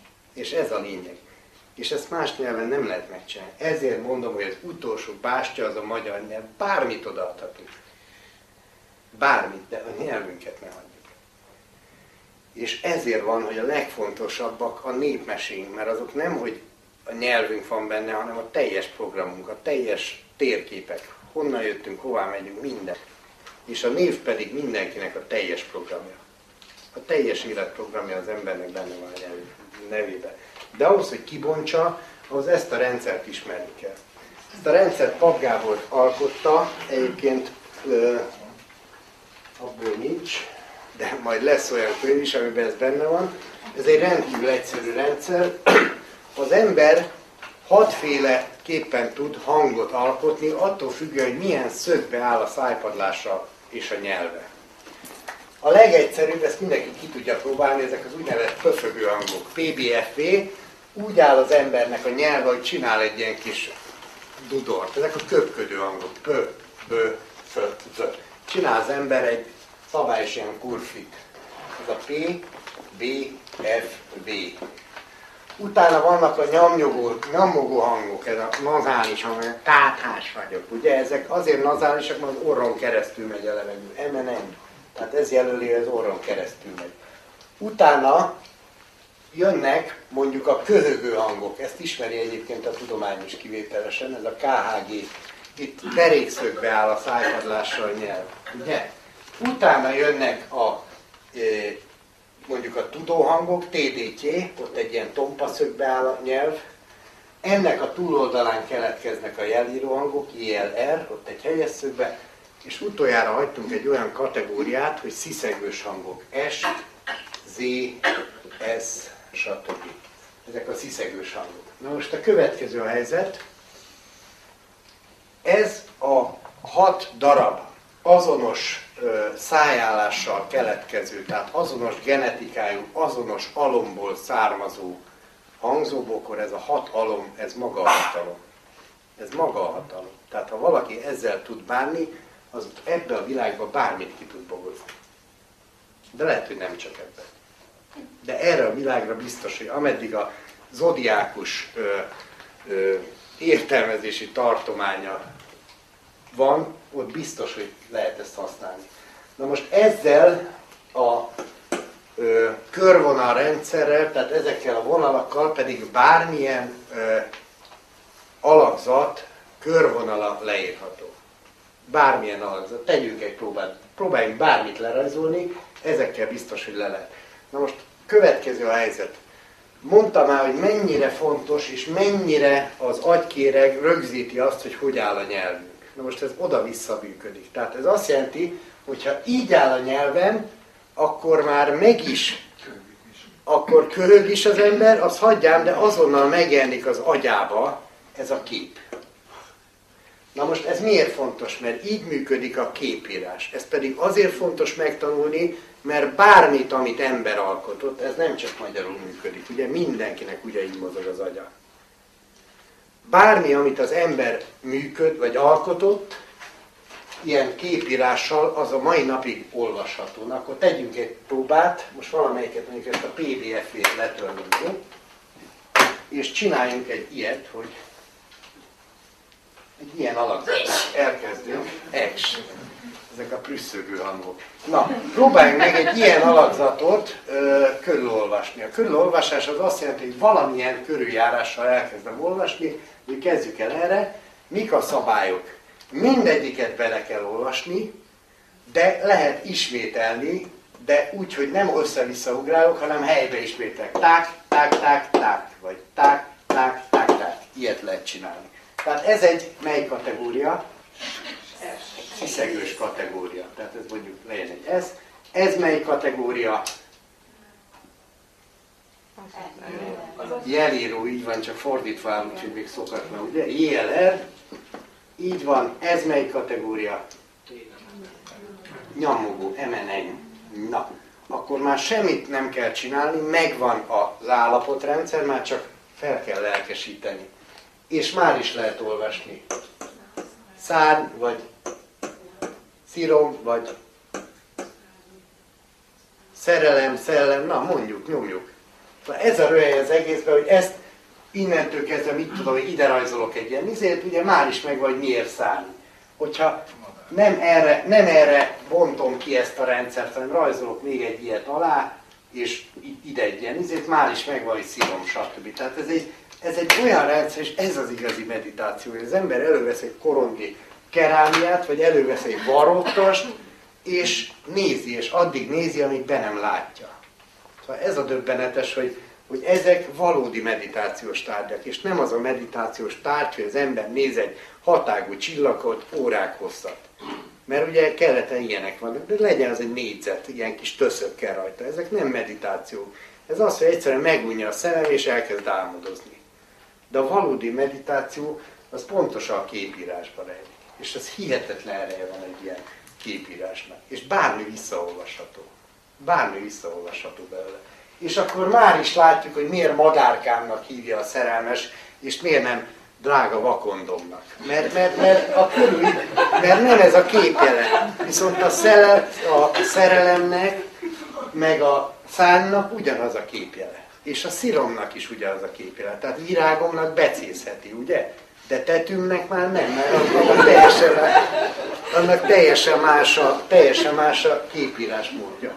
És, és az is látszik, hogy, hogy végül is a szerelemnek mi az alapja. Azt hinné az ember, hogy lelki dolog, pedig sokkal följebb van a, szellem. Így van, tehát szellemi dolog. Pontosan ez az, amit, ami ugye keleten is ismert, ez az úgynevezett duáltás. Tehát, hogy az ember bejön ebbe a világba, és szét kell, azért, hogy a világnak ne bontsa meg az egyensúlyát, szét kell esnie két felé. Férfire és egy nőre. Ugye? És az egész élet arról szól, hogy az ember keresgeti az elveszett párját, azt hát mindenfélét talál helyette, de mindegy, nem erről szól a mese, hanem pontosan az a lényeg, hogy miről szólnak a meséink. Mi a, mi a bónusz a mesébe, szia? Mi a bónusz a mesébe? Így van, ez a, ez a kulcsa. Tehát amikor már mindent megnyert, az összes megnyerhetőt megnyerte a, a ö, királyfi, akkor legvégül megkapja a fele királyságot, meg a teljes királylány. Na most ez jelenti azt, hogy visszakapta, visszakapta az ember a duáltársát, pot kívánok, mehetsz kifele. Szóval olyan mélységei vannak a meséinknek, hogy az hihetetlen. És most ö, ebben a rendszerben még egyetlen egyet szeretnék megmutatni nagyon röviden. Ugye kezdetben vala az ige. Ez egy igével teremtett rendszer. Ez is egy érdekes, mert ugye papok, amióta vannak papok, azon vitatkoznak, ez az egyik legmélyebb ilyen hitvita, hogy az Isten kezdetben megteremtette a Földet, azt ott hagyt, vagy egyáltalán az univerzumot, azt ott hagyott minket, mint ebbe a szaharát, vagy pedig a mai napig teremget, ugye? Tehát, hogy folyamatos a teremtés. Na most, ez piszok egyszerű. Mit jelent az, hogy vala? Mi az, hogy vala? Mára kikopott a nyelvünkből, de ez mi? mi?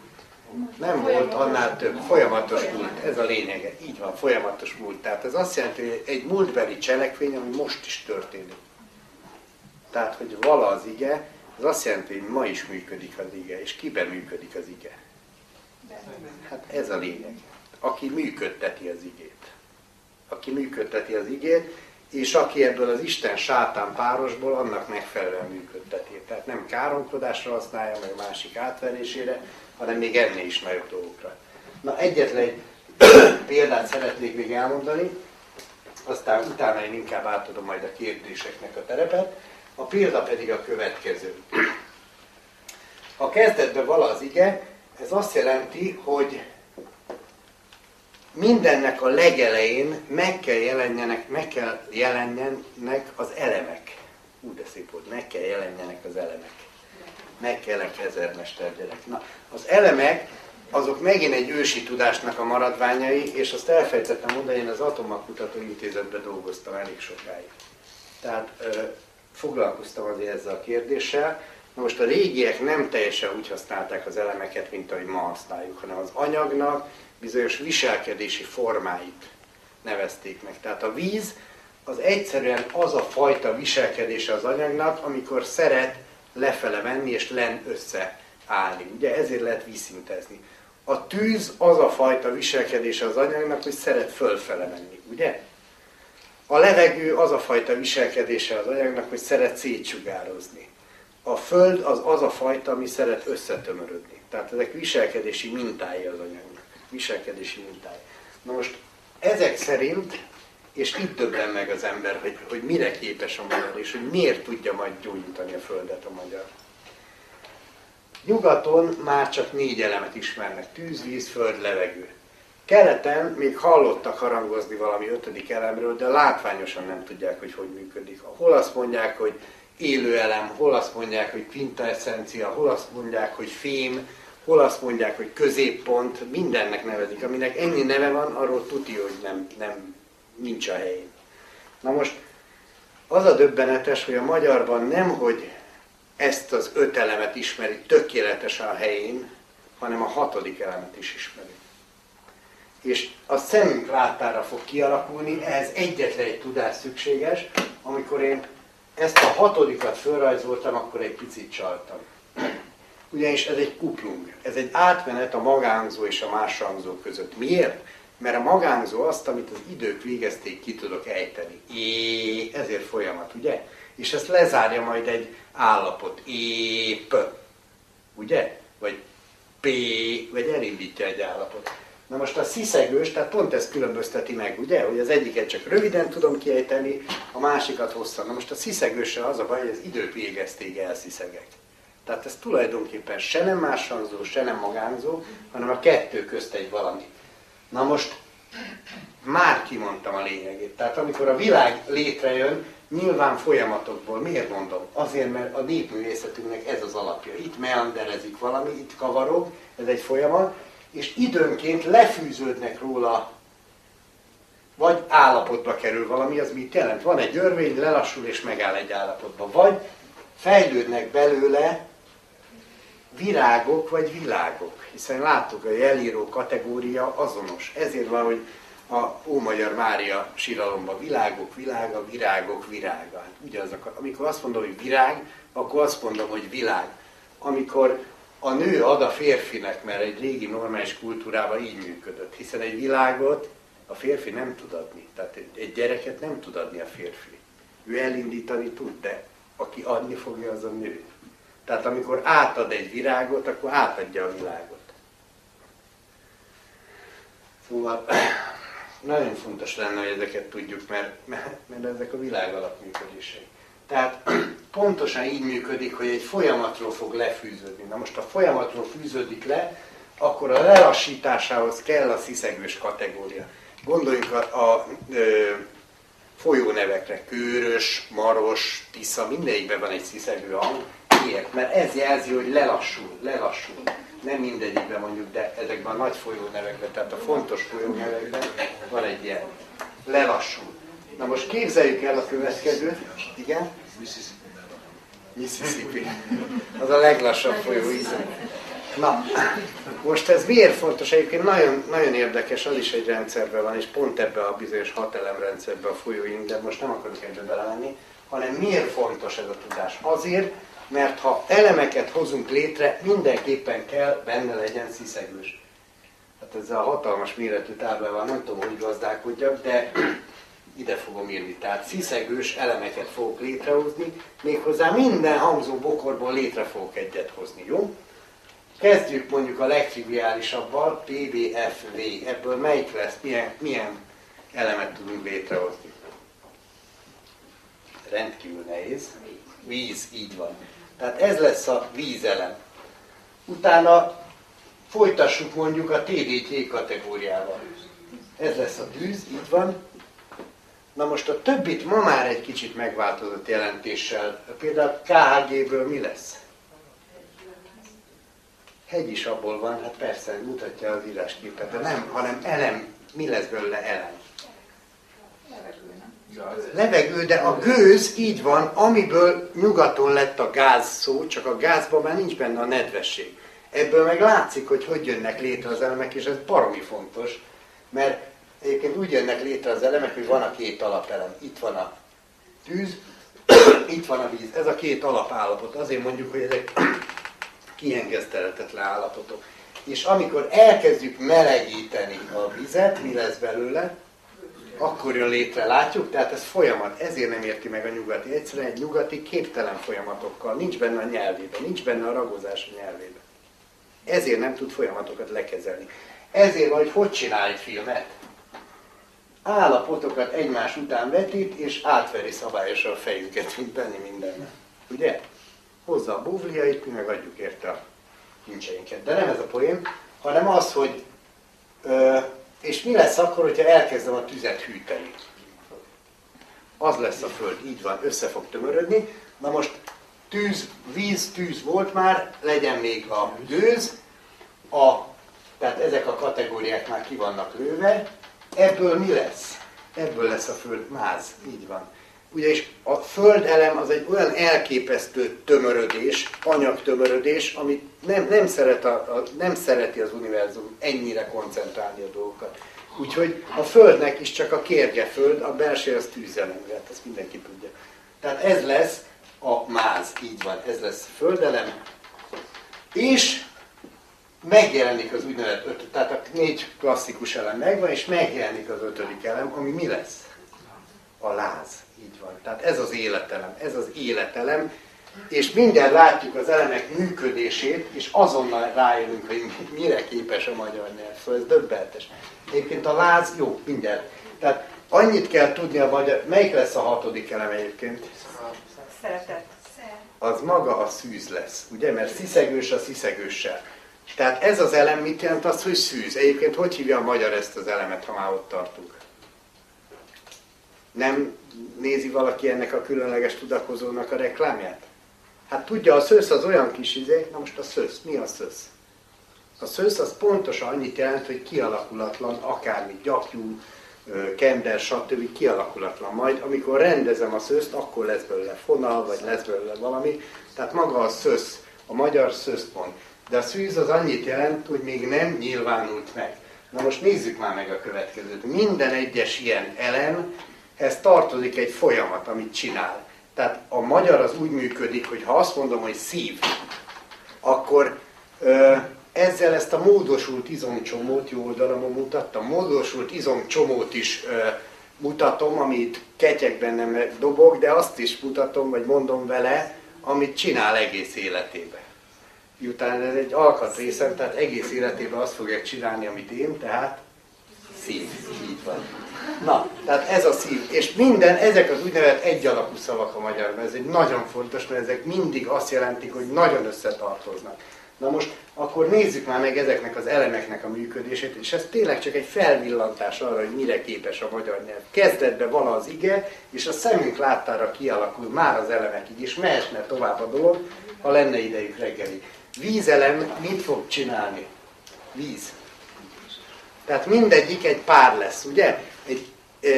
Az állapota a vízelemnek az így néz ki. Mi lesz az a folyamat, amit csinál az egész teremtésbe a víz, ahol csak megjelenik a vízelem? Víz, víz, víz, víz, víz. A víz nem tisztít, erre nagyon vigyázunk. A nyugatiak is azt hiszik, hogy a víz tisztít. Nem tisztít a víz, ez, ez egy óriási tévedés. Mi tisztít? A tűz, így van. Tehát nézzük már meg egy budit. Régen mi volt a budi? Volt egy kis fa, bodega, egyébként szenzációs volt, mert szabályos egy csillagvizsgáló volt, ugye ki volt kis szívecske. Nem tudom, én egyébként próbálják ki egyszer így hagyományosan elvégezni a dolgunkat, nem ilyen eurokonform valamivel, valami olyan felemelő érzés szabályos, hogy nem tudok rá más A szúnyogok is ott vannak. Hát szúnyogok, jó, hát na most ez egy, ez egy elképesztő dolog, mert utána mi történik? Belepottyan, és régen, mit tudom én, kukorica csuhéjjal, vagy akármival rendezték utána a tisztítandókat, és elindult egy érési folyamat, és ott ugye az történt, mint egy trágyadomban, egy 80 fokos érés. A mai napig ezen a hőmérsékleten pasztörizálunk, ugye?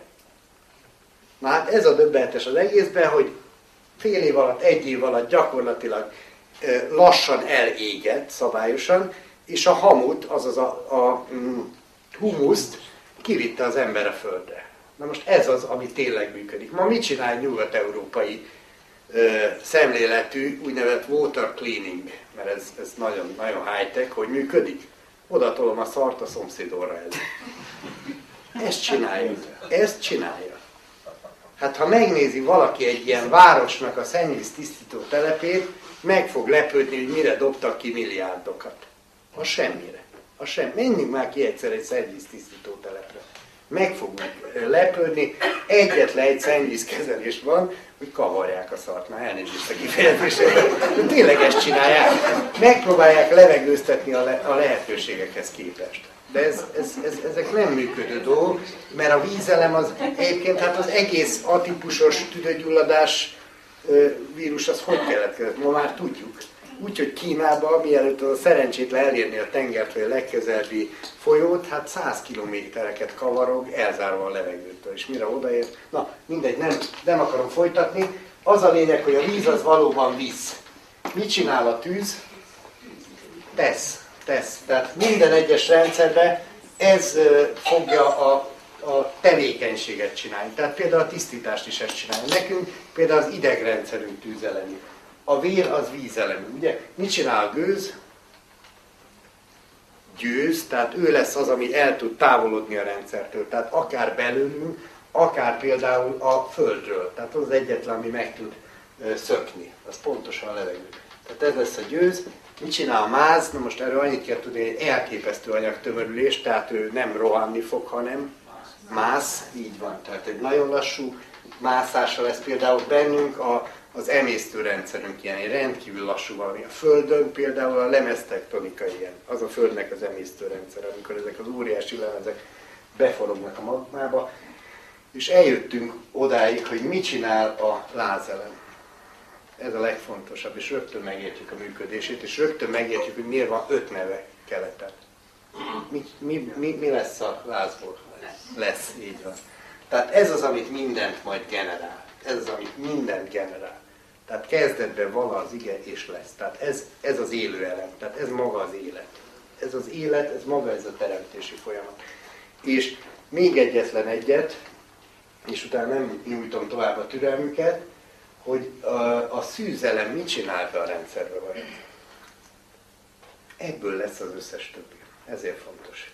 Na most mi az emberben a szűzelem? Mert ugye a víz az a vér, a tűz az a, az, az idegrendszerünk, a, mit tudom én, a gőz az a, az a légzésünk, tüdőnk, stb. Máz az az emésztőrendszerünk, de mi az, mi az ami a, a szúz bennünk? Most ki is mondtam.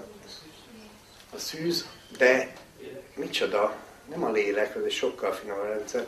Ez az, amit keleten gyógyítanak, ez az energetikai rendszerünk, tehát a csakrák, meridiánoknak a rendszere.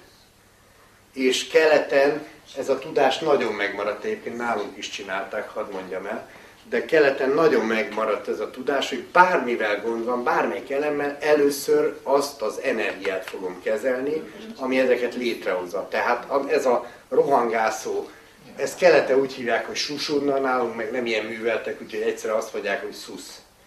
Tehát ezeket a pontokat bögdösik meg, ezeket a meridián elágazásokat bögdösik meg, és így tudják kitisztítani. Egyszer egy tűszúrással meg tudnak gyógyítani a betegségeket, pont emiatt. Na, tehát ennyit erről a rendszerről, ez csak azért, hogy ennél hajnalig lehetne erről beszélni, mert elképesztő ez a rendszer, de most csak szerettem volna elmutatni, hogy mi van a nyelvünkben.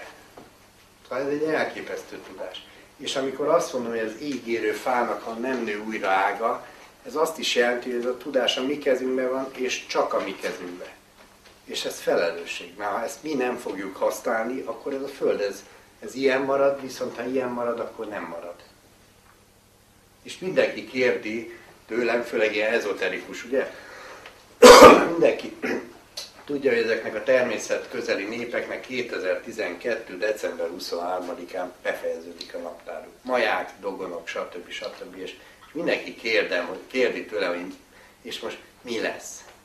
Meg vissza szoktam kérdezni, hogy mi legyen. Az lesz, amit akarunk. És amit mi akarunk. Ez egyetlen egy dolog kell, hogy ez a kis lézer végre beálljon. És ne itt pislákoljunk neoncsőként Európa kellős közepén. Azért vegyük már észre, hogy minden rendszerben a legfontosabb az a központja. És egész véletlenül Európának nem a szélén vagyunk, ott Brüsszel van, az a farok, ami csóválja a kutyát. De Európa kellős közepe az itt van a Kárpát-medencébe, Magyarország. Közép-Európa. Kelet-közép, erről annyit, hogy én csak egy körzőt tudok erre javasolni, ugye tudományos bizonyítékként, hogy szúrjuk már bele mondjuk Budapestbe, azt nézzük meg a Gibraltárig, meg az Uralig egész véletlenül pontosan ugyanaz a távolságon. Ez az a mint tudjuk típusú valami, hogy mint tudjuk, kicsik vagyunk, Kelet-Európa vagyunk, átjáróház vagyunk, kompország vagyunk, és csak a ö, barasz pálinkát és a bőgatyát adtuk a világnak. Hát ha valakinek elég sokszor elmondja az ember, hogy kicsi vagy fiam, hülye vagy fiam, az kicsi lesz és hülye. Aki az akar maradni, ez a szabad akarat, maradjon az. Maradjon az. De ha valaki, ne adj Isten, vissza akar térni úgy a teremtőjéhez, hogy ne legyen nagyon-nagyon vörös a képe, akkor annak azt javaslom, hogy kezdje el végre azt a programot csinálni, ami, amiért idejöttünk. És hogy mi ez a program, utoljára egy mesét el szeretnék mondani. Ez lesz a mai mese, jó? Na most azért a mesékről annyit, hogy a legfontosabb tudás, amit összegyűjtöttek, és generációról generációra ment át a nemzedékeken. És ez nem egy biblia, amit 2000 évvel összegyűjtögettek, mit tudom, száz évvel az apostol halála után, és utána minden egyes zsinat valamit herélt belőle. És lassan tényleg csak a kötőszók maradtak benne. Ez egy élő tudás, tehát ez egy olyan tudás, ami mindig javítódik, amihez mindig minden egyes generáció hozzáteszi a magát tapasztalatát. Minden egyes fölösleges dolog kikopik belőle. És így jönnek létre a legtömörebb információs csomagok, a legtömörebb térképek, amik valaha is léteztek a Földön, olyan térképek, hogy honnan jöttünk, mi a dolgunk, és hogy tudunk visszamenni, mert az összes ilyen térképünk erről szól. Na, egy ilyen térképet elmesélek, a legjellemzőbb térképét a magyar népnek. Elindul a három királyfi otthonról, a szülői háztól, az atyától, az Atya Istentől. Minden egyes jogrendben a legidősebb fiú kap pénzfegyvert paripát. Tehát neki lesznek majd űrsiklói, neki lesznek gyarmatai, neki lesz mindene. A legkisebb királyfi, annak semmi nem ő. Elzavarják hangba sült pogácsával, 93 ezer kilométerre van, azt még azt is sajnálják tőle. Igen, nem csak eljön a feladat, és itt kezdődnek a gondok. És a feladat az nem az, amit látunk. Nem a holdra kell szállni, meg nem a természetet kell leigázni, hanem meg kell letetni az egeret. Az egér az az iker tulajdonságnak a megjelenítője. Ő a legkisebb, a legelveszettebb. Ha én az egeret megetetem, az azt jelenti, hogy én segítettem a legkisebbet. És majd ez a legkisebb fogja visszahálálni. Hogyan? Úgy, hogy a két idősebb testvér hiába van aranyszőrű paripája, hiába van ezüstszőrű paripája, kővé válik. Nem veszük észre, hogy pont a mai világról szól ez a mese. A nyugat-európai civilizáció kővé vált. És aki nem hiszi, járjon utána, menjen neki egy pár évre. Nincsenek egyszerűen emberi érzelmek és emberi kapcsolatok. Tehát legkisebb kisfiú, legkisebb királyfi, az a lelke segítségével túljut ezen a problémán, és ugye meséltünk már itt a bónuszról, hogy a teljes királylány meg a fele királyság, ugye? Felajánlják neki, hogy jó van, ügyes vagy, okos vagy, megcsináltad a feladatot, mehetsz haza. És mit mond a legkisebb királyfi? Ismerjük a meséinket, nem? Nem megyek haza, amíg a kővé vált testvéreimet ki nem szabadítom. Na ezt az állatfajtát hívják úgy, hogy magyar. És ezt soha ne felejtsék el, mert ez a saját programjuk. Köszönöm a figyelmet.